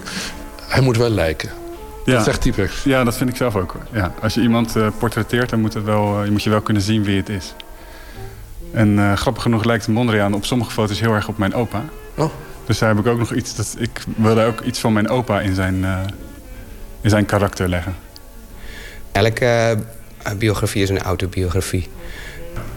Zo had ik Rembrandt had ik inderdaad gemixt met mijn vader. Je moet het je kunnen voorstellen, motoriek en dat soort dingen. En bij Rembrandt had ik daar mijn vader, die heeft toevallig ook zo'n neus. Mensen zeggen altijd dat Rembrandt zo goed lijkt. En dan denk ik altijd, ja, op mijn vader. Als mijn moeder dat boek ziet, dan, dan denkt ze meteen... hé, daar heb je Henkie Koot. Maar ehm, eh, het moet een levend figuur worden. Dat is eigenlijk wat de mensen zien. Eh, nou, je ziet hier wat eh, geschilderde panelen, om het zo maar te zeggen. Of, en dit is een scène die gaat over eh, Mondriaan eh, in Hotel Hamdorf. Dat was die eh, in Nederland. En daar gaat hij dan met vrienden heen om op jazzmuziek te dansen. En de voice-over zegt hier dat er weinig vrouwen waren die met Piet wilden dansen omdat hij een hele ingewikkelde manier van dansen had. Hij had hele geometrische danspassen. Echt waar? Ja, dus Ja, dat- het, dat- daar was hij ook heel rechtlijnig in, maar te zeggen. Ik zie ook gelijk pagina's vormen waarin hij in allerlei moeilijke poses eh, zo achter elkaar komt. Dat is een soort van animatiefilmpje bijna.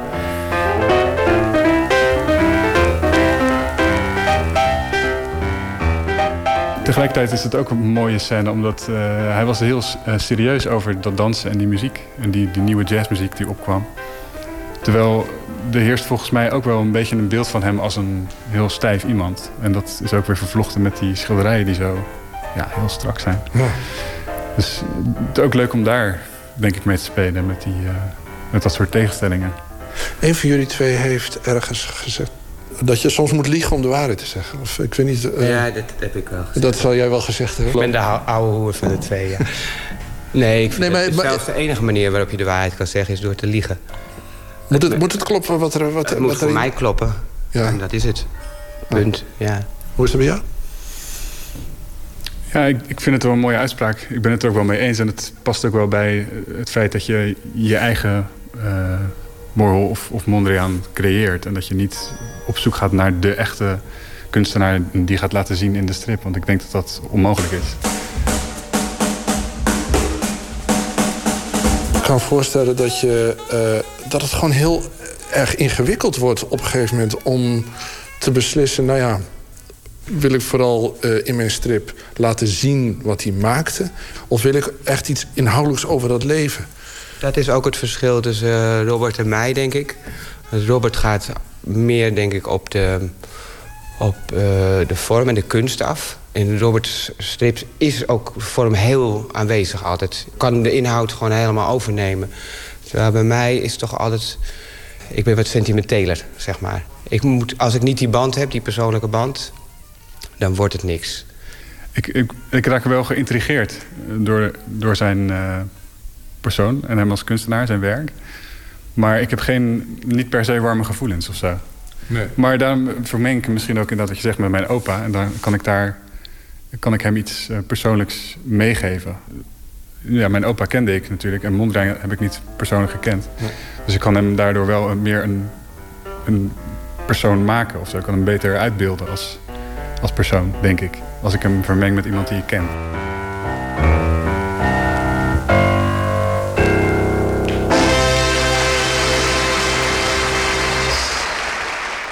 Striptekenaars Typex en Robert van Raffen. De tentoonstelling De Schilder getekend in 37 pk in Haarlem is nog te zien tot 26 juni. De stripdagen duren nog tot en met komende zondag.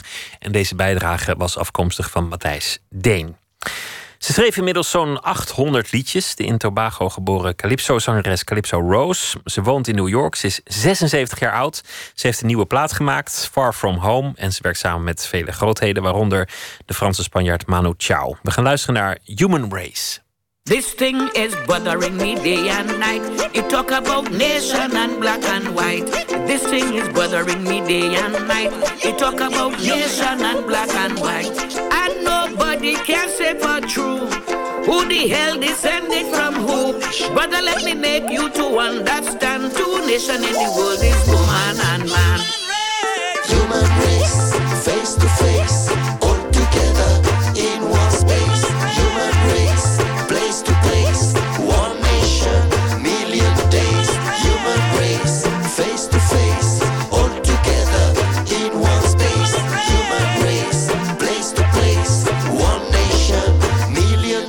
If a Indian woman go with an Englishman, that is one nation.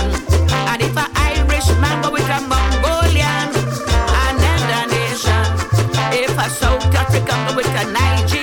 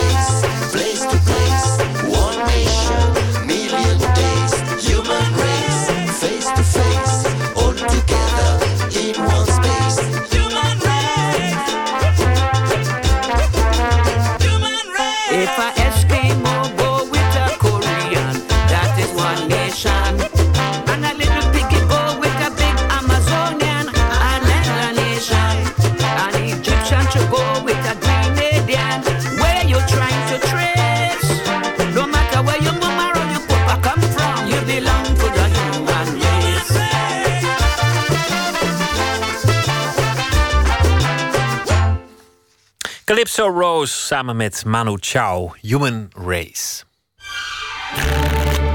Open kaart.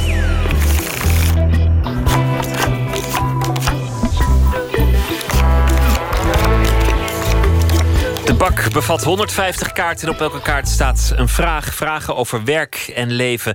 Tegenover mij zit vertaler Hans Boland. Hij is slavist, promoveerde ooit op poëzie van Anna Akhmatova... die hij ook naar het Nederlands eh, vertaalde. Maar zijn grote project is nu voltooid. Namelijk het eh, complete werk van misschien wel de grootste dichter van Rusland... Alexander Pushkin. Eerder schreef hij trouwens ook een eh, roman... en heeft ook nog heel veel andere dingen gedaan. En een aantal jaar geleden weigerde hij een prijs van de Russische overheid, omdat hij niet wilde dat zijn eigen naam, maar vooral niet die van Pushkin, in één adem genoemd zou worden met die van Poetin.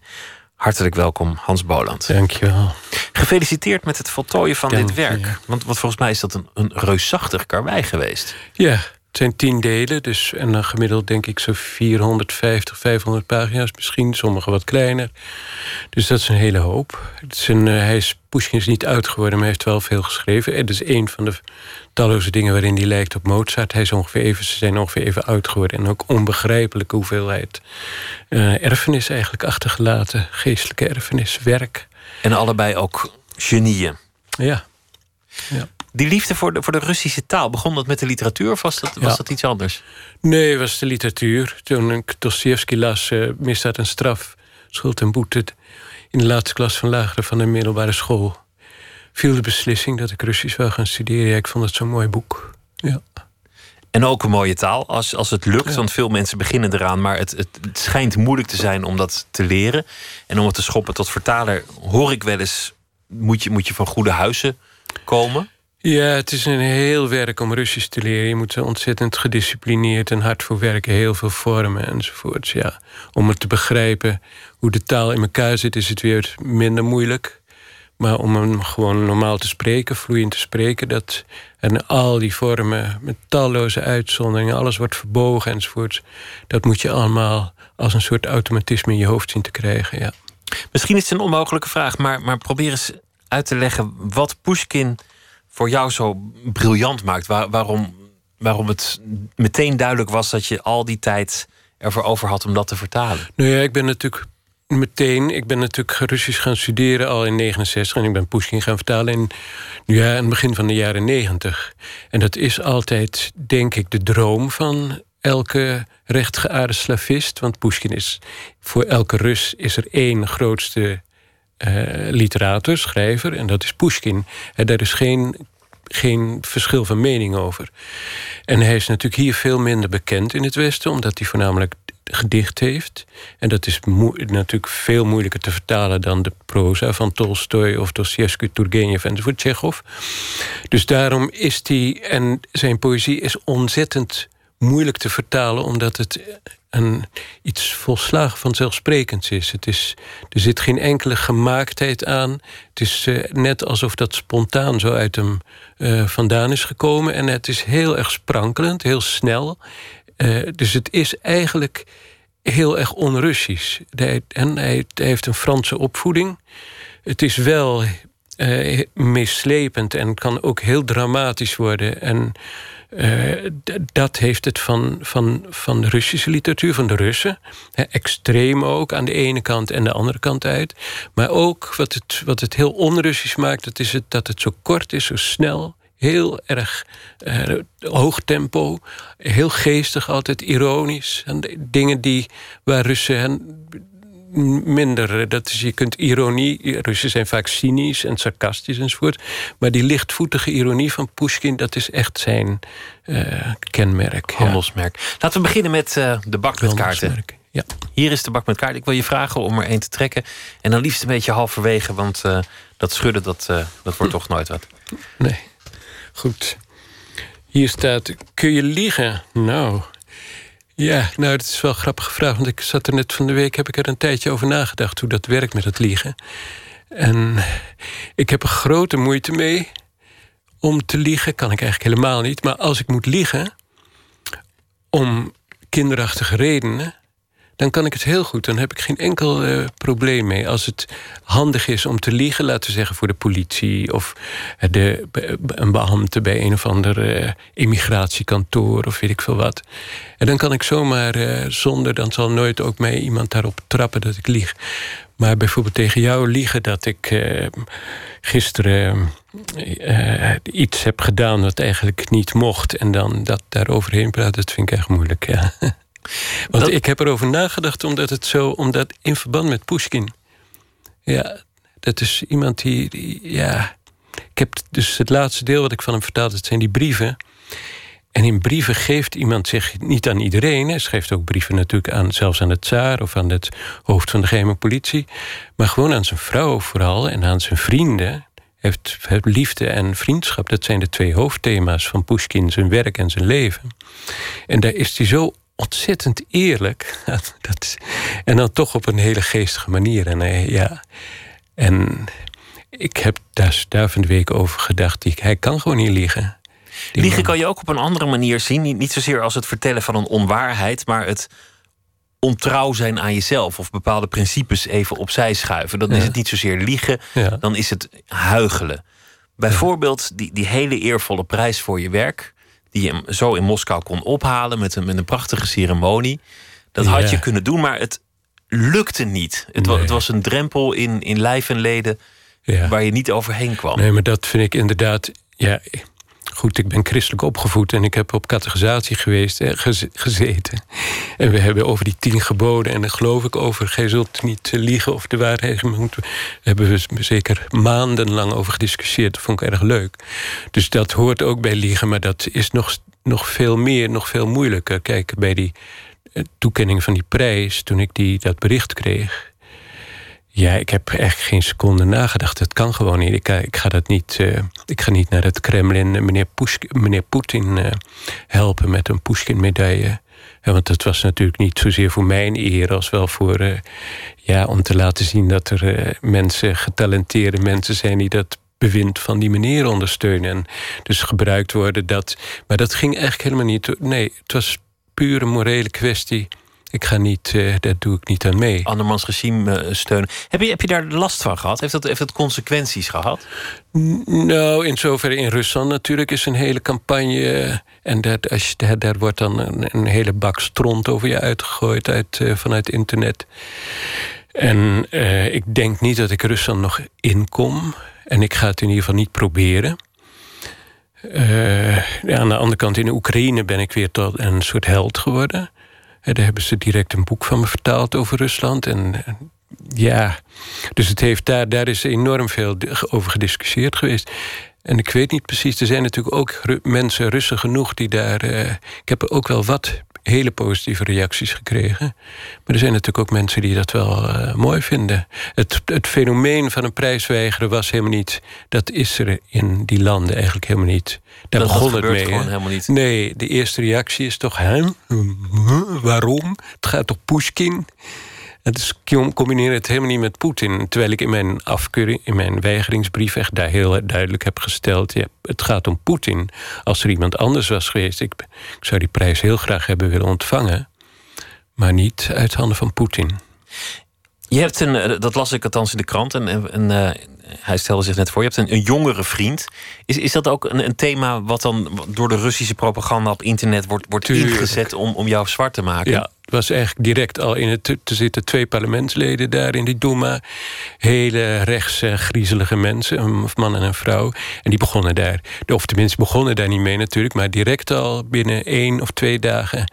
Wij hebben ontdekt dat hij er niet een zozeer homo als wel pedo is. Hè? Mijn jongen is eh, 34, dus het is niet echt. eh, Minderjarig. raam voor. Ja. De- en daar is natuurlijk heel veel. En dan krijg je dus allemaal.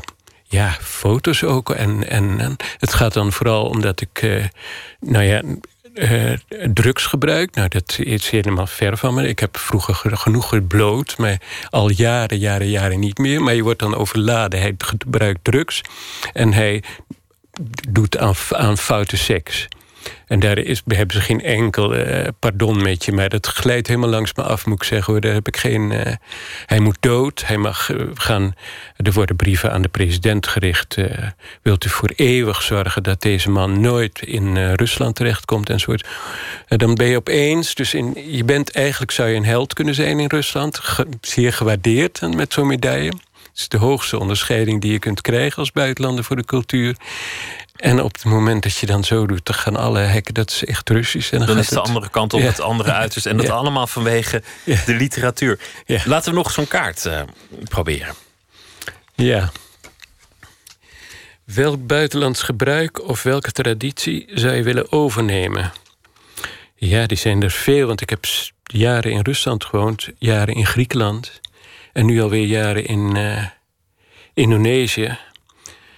En ja, het, het eerste wat nu in me opkomt, misschien omdat ik in Indonesië woon, is het gebruik om eh, in het verkeer eh, niet eh, nooit agressief te worden. Dat zou ik natuurlijk, dat is niet zozeer mijn.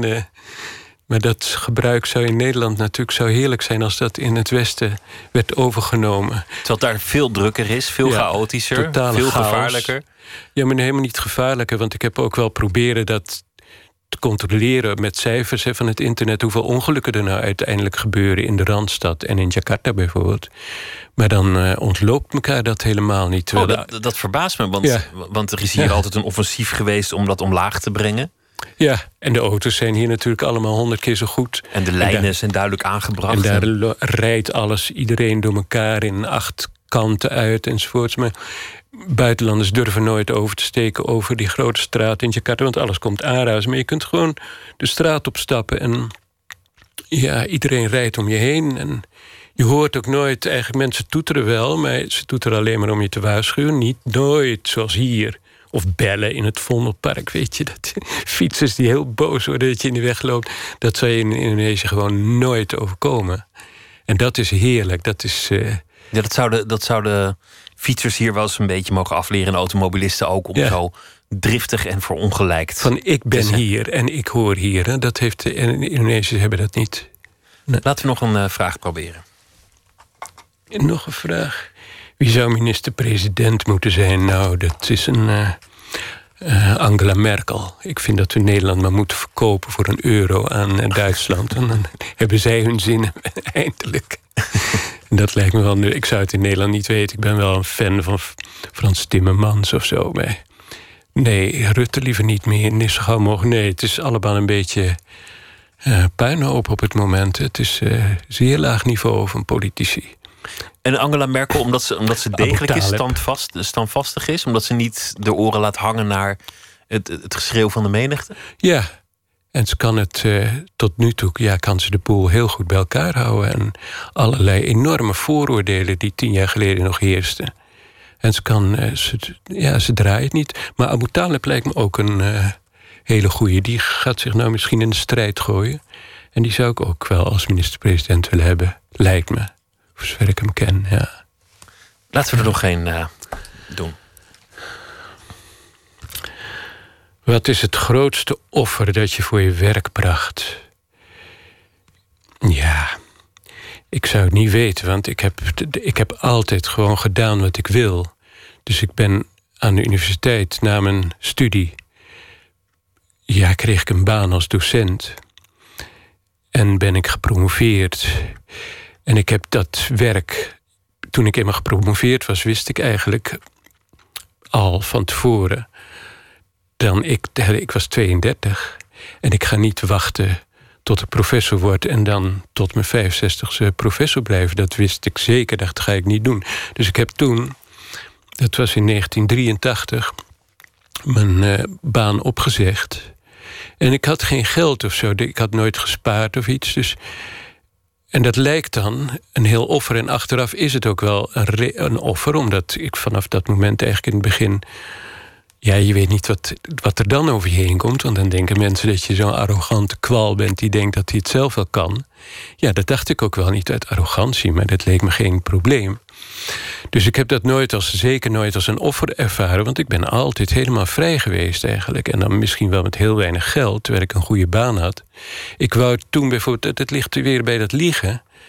Ik had geen, het was in 1983, kon je vrij makkelijk, heel makkelijk eigenlijk een uitkering krijgen. En 90% van je loon, omdat je overspannen was of zo. Dat gebeurde om me heen overal. En ook daar heb ik geen seconde, dat, dat wil ik dan niet. Daar heb ik geen zin in om daar... eh, ik heb nou net weer iemand in, in een Nederlander die daar al twintig jaar op een uitkering zit... omdat hij overspannen was twintig jaar geleden... en dan twintig jaar vakantie houdt.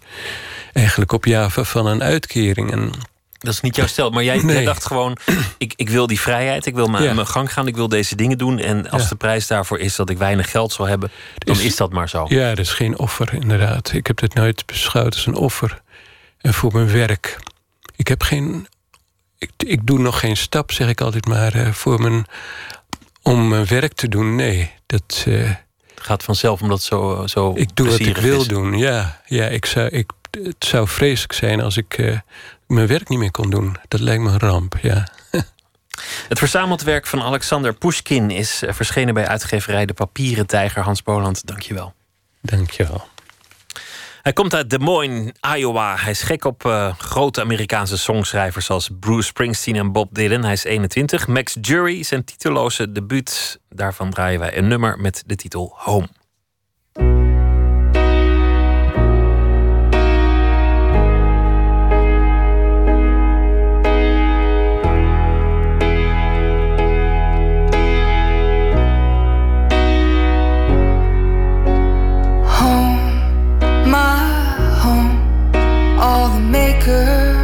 Mark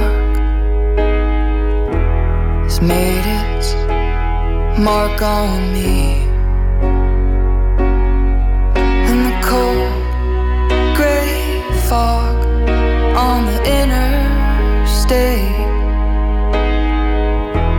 will always cover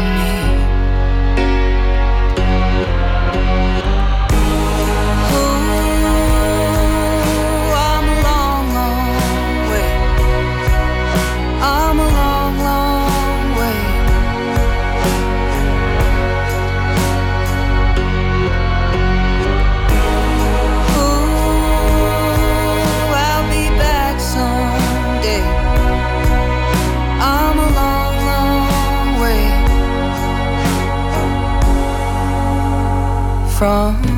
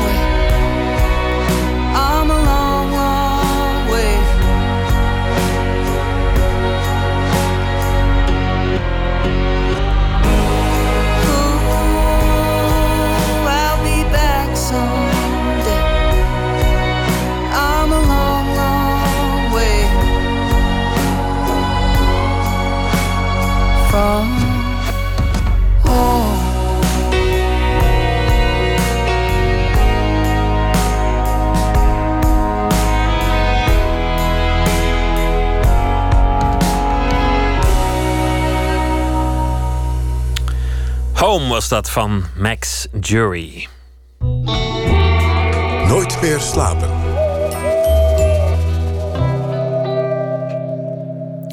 Wie komend weekende de fietstunnel van het Rijksmuseum doorfietst, jawel, de beroemde fietstunnel van het Rijksmuseum, die ziet door de ruiten van het museum een grote afdruk van een voorhoofd hangen. Op panelen van zo'n 12 bij 6 meter. Die zijn er vanavond en eh, vannacht eh, aan het opbouwen. Ze zijn er opgehangen. Het wordt een tentoonstelling van de Italiaanse beeldhouwer Giuseppe Panone. Aanstaande vrijdag is de opening. Nachtcorrespondent Luc Heesen is vast wezen kijken. Luc, welkom. Dank je. De afdruk van een voorhoofd. Ja. Vertel, wat is het? Ja, een wonderlijke afbeelding. Het gaat om een deel van het gerimpelde voorhoofd van de kunstenaar. Eh, daar heeft hij een afdruk van gemaakt en dat heeft hij opgeblazen tot een monumentaal formaat, 12 bij 6 meter. En als je voor die ruit staat in het tunneltje, dan zie je een wit paneel met allerlei acacia-doorns erop. Het zijn van die, eh, ja, ik weet niet of je die voor de geest kan halen, dat zijn haaientanden eigenlijk, die je van een, eh, van een stengel haalt. Eh, en die zijn op dat doek geplakt. En samen vormen die honderden doorns vormen het gerimpelde stukje van zijn voorhoofd. Heel stekelig, naar buiten gericht, naar je toe gericht. En aan de achterkant, die je dan ziet als je in het Rijksmuseum staat... hangt een ander werk van precies dezelfde grootte met diezelfde afdruk... maar dan in grafiet getekend. En dat is heel donker en juist heel erg naar binnen gekeerd. En dat is dan de binnenkant van het hoofd, zeg maar. Giuseppe Panone, wie was het ook alweer? Nou, Panone is een Italiaanse beeldhouwer. Eh, eind jaren 70 was hij het jongste Italiaanse lid van die zogenaamde Arte Povera-beweging. Die maakte met heel goedkope alledaagse materialen kunst. Eh, vandaar de naam arme kunst, poveren. Eh, ze gebruikten oude kleding, aarde, takken, steenkool. Eh, en Panone zelf die werkt eigenlijk zijn hele leven al met bomen als materiaal. Daar is die echt door gefascineerd door de levenskracht van een boom die opgroeit naar het licht. Hoe komt zo'n nog levende kunstenaar in het, in het Rijksmuseum terecht? Dat gebeurt natuurlijk wel vaker, maar het is, het is toch ook een beetje de, de, de plek van de, de, de grote namen van wel eerder. Van de weleer. gestorven legendes. De, Ja. de Rembrandts. Ja, zeker. Nou, er is een soort van zomertraditie. Dat hebben ze sinds eh, drie jaar. Eh, grote beeldententoonstelling in de tuin en, en deels binnen.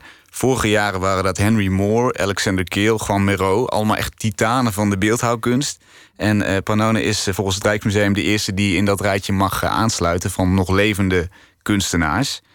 Bij die opbouw vanavond, die, die was dus inderdaad vanavond zeg ik, en eigenlijk nu nog steeds bezig, want het is een immens werk. Eh, met allerlei eh, assistenten uit Italië ook die daar eh, meehelpen. Was de kunstenaar aanwezig, maar toevallig ook Rudy Fuchs, voormalig directeur van het Stedelijk Museum en het Van Abbe. En ik vroeg hem wat hij zo goed vindt aan het werk van Pannone. Je ziet de natuur groeien. En die groei heeft een vorm gekregen. Normaal, als je naar het water kijkt of naar een boom, dan zie je dat niet. Je ziet hem wel over- de jaren heen dat hij groter wordt. Maar de essentie van dus dat, dat, die, die magische kracht die dus in, in, in een boom zit... of in een steen of in, in alle natuur, die is onzichtbaar. Althans, en die, die wordt ook door ons uitgedrukt door kunstenaars, door dichters en, al, en muzici... die dat laten zien in, hun, in de energie van hun, hun werk. Hij werkt veel met de natuur. Is dat, is dat ook terug te zien in deze tentoonstelling? Ja, ja, ja absoluut. Er staan eh, 18 beelden in de tuin en de meeste daarvan die zijn boom. Ehm, ofwel echte bomen of afgegoten in, in brons of koper. Ik vroeg vandaag aan de kunstenaar waarom hij die bomen dan zo interessant vindt. I see the tree like uh, an element of sculpture. My work is about uh, sculpture. It's a reflection of, uh, of sculpture.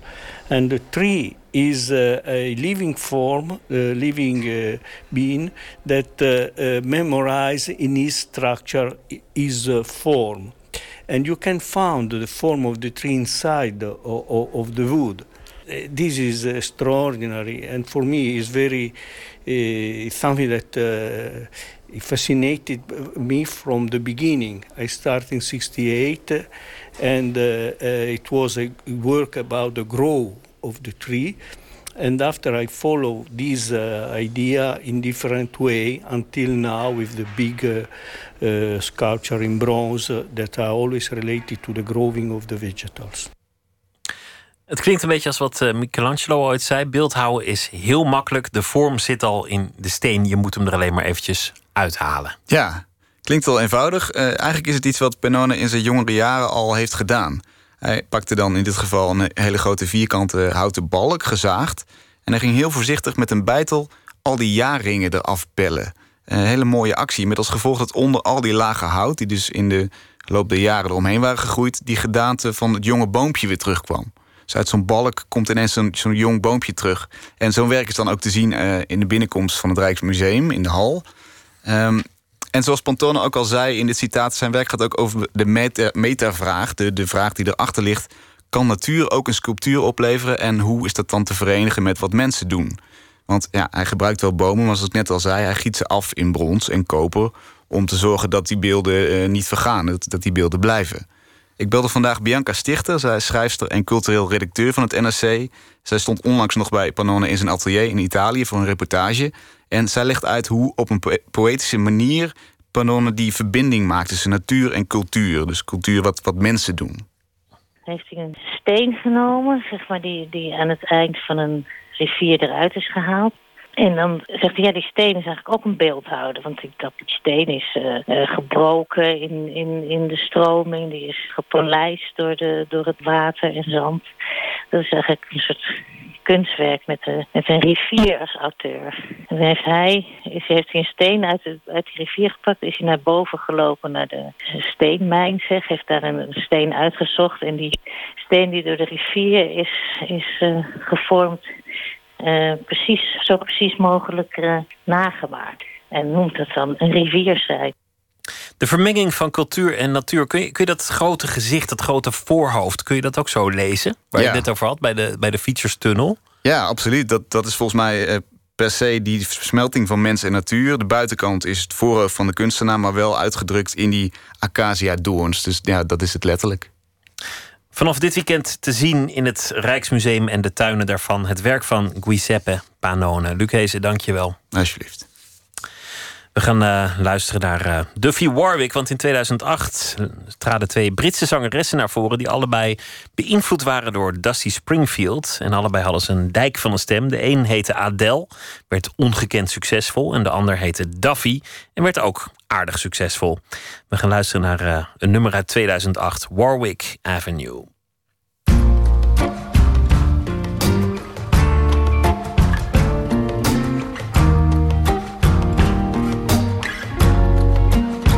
When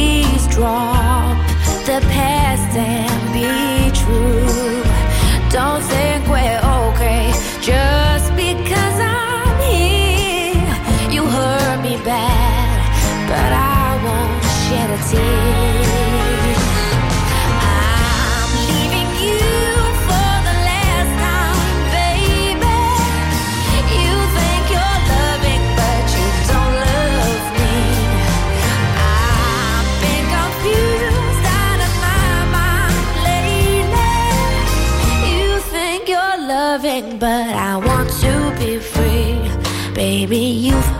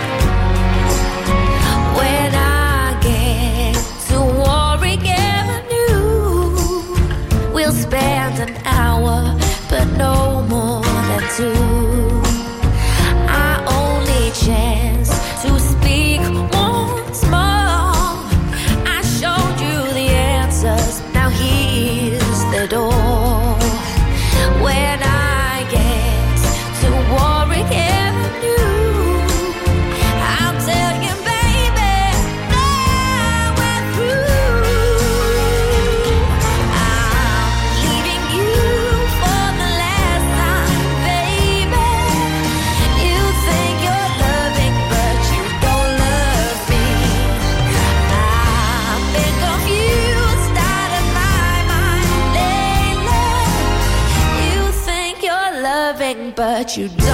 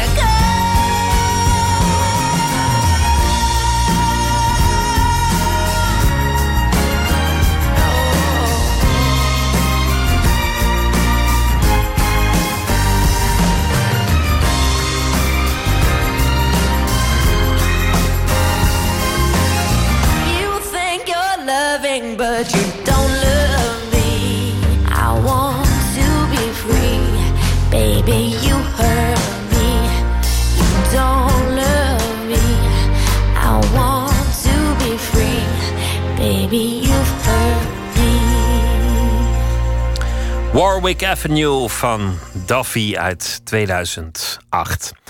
Anne Vechter is eh, nu al drie jaar dichter des vaderlands. En daarnaast is ze ook schrijver van kinderboeken, proza, toneel. En ze maakt ook de tekeningen bij haar eigen boeken. Deze week zal ze elke nacht een gedicht uitkiezen en voordragen. En dat gedicht komt vannacht uit Ierland.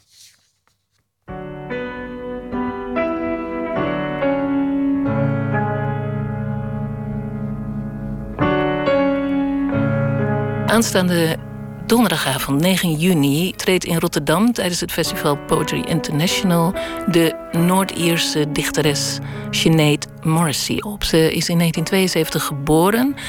Um, haar gedichten um, bespreken het leven in de moderne Belfast, maar omspannen een periode van een leven dat begon met ervaringen van het sectarische geweld in Noord-Ierland.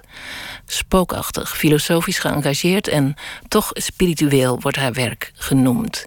De gedichten die zij voor gaat lezen tijdens Poetry International en het gedicht dat u dadelijk gaat horen zijn en is vertaald door Maarten Elsinga. De bazaar van de partij. Ingrid met haar sjaal was hier al vanaf negen uur om babushka-poppen, caviar, zakdoeken en wijn uit Joegoslavië en Bulgaars parfum uit te stallen op de tafels, geleend van de kerk op de begane grond. Mijn broer en ik vragen of we iets kunnen doen en krijgen een pak roze, witte, vrede en detente posters om de zaal mee te versieren. Ze goed recht hangen is lastiger dan we hadden gedacht, dus geven we er stiekem de brui aan. Bijna iedereen rookt. Op de achtergrond zwelt Kajinka, gebruld door het koor van het Rode Leger, op een cassettebandje gestaag naar een hoogtepunt. Er is thee, koffie, Irish stew en een leuk assortiment van anti-mevrouw Thatcher paraphernalia. Pennen in de vorm van nagels voor haar doodkist, die we zullen kopen en gebruiken op school. Er komen vakbondsvertegenwoordigers en sympathisanten die één keer per jaar, net als christen, laten zien dat ze best gelovig zijn. En een enkele verbijsterde buitenstaande die eigenlijk op zoek was naar zeep of sokken, maar we zijn het vooral zelf. Leden van de partij en hun kroost, die de ruimte vullen met ons opgewonden gesnater. Tegen vieren gloeit Rosemary Street in de zonnewendeschemering. We stoppen wat er over is van houten treintjes en wodka in kratten voor het volgend jaar en verkassen prompt naar de Duke of York, waar ooit een authentieke afgevaardigde van de Sovjet, rijzig, slank, een speech afstak in zijn star bevroren Engels en ik mijn ranja vasthield en diep overtuigd was. Bazaar van de partij, een gedicht van Sinead Morrissey, voorgedragen en uitgekozen door Anne Vechter. Morgen in Nooit meer slapen komt Mart Smeets op bezoek, want morgen is een historische dag. Uh, niet alleen omdat dat boek verschijnt aan de meet. Hij neemt daarin afscheid van de Tour de France. Maar ik geloof dat morgen zo'n beetje de dag is dat officieel het pensioen van Mart Smeets ingaat. En anders doen we gewoon alsof. Hij is morgen te gast al sinds 1974. Een van lands bekendste sportjournalisten. En verder doen we ook nog heel veel andere dingen. Twitter, het VPRO NMS. En we zitten ook op Facebook. U kunt zich abonneren op de podcast. Zometeen WNL met Nog Steeds Wakker. Wens ik u een goede nacht. Morgen een leuke dag. Graag weer. Tot morgen.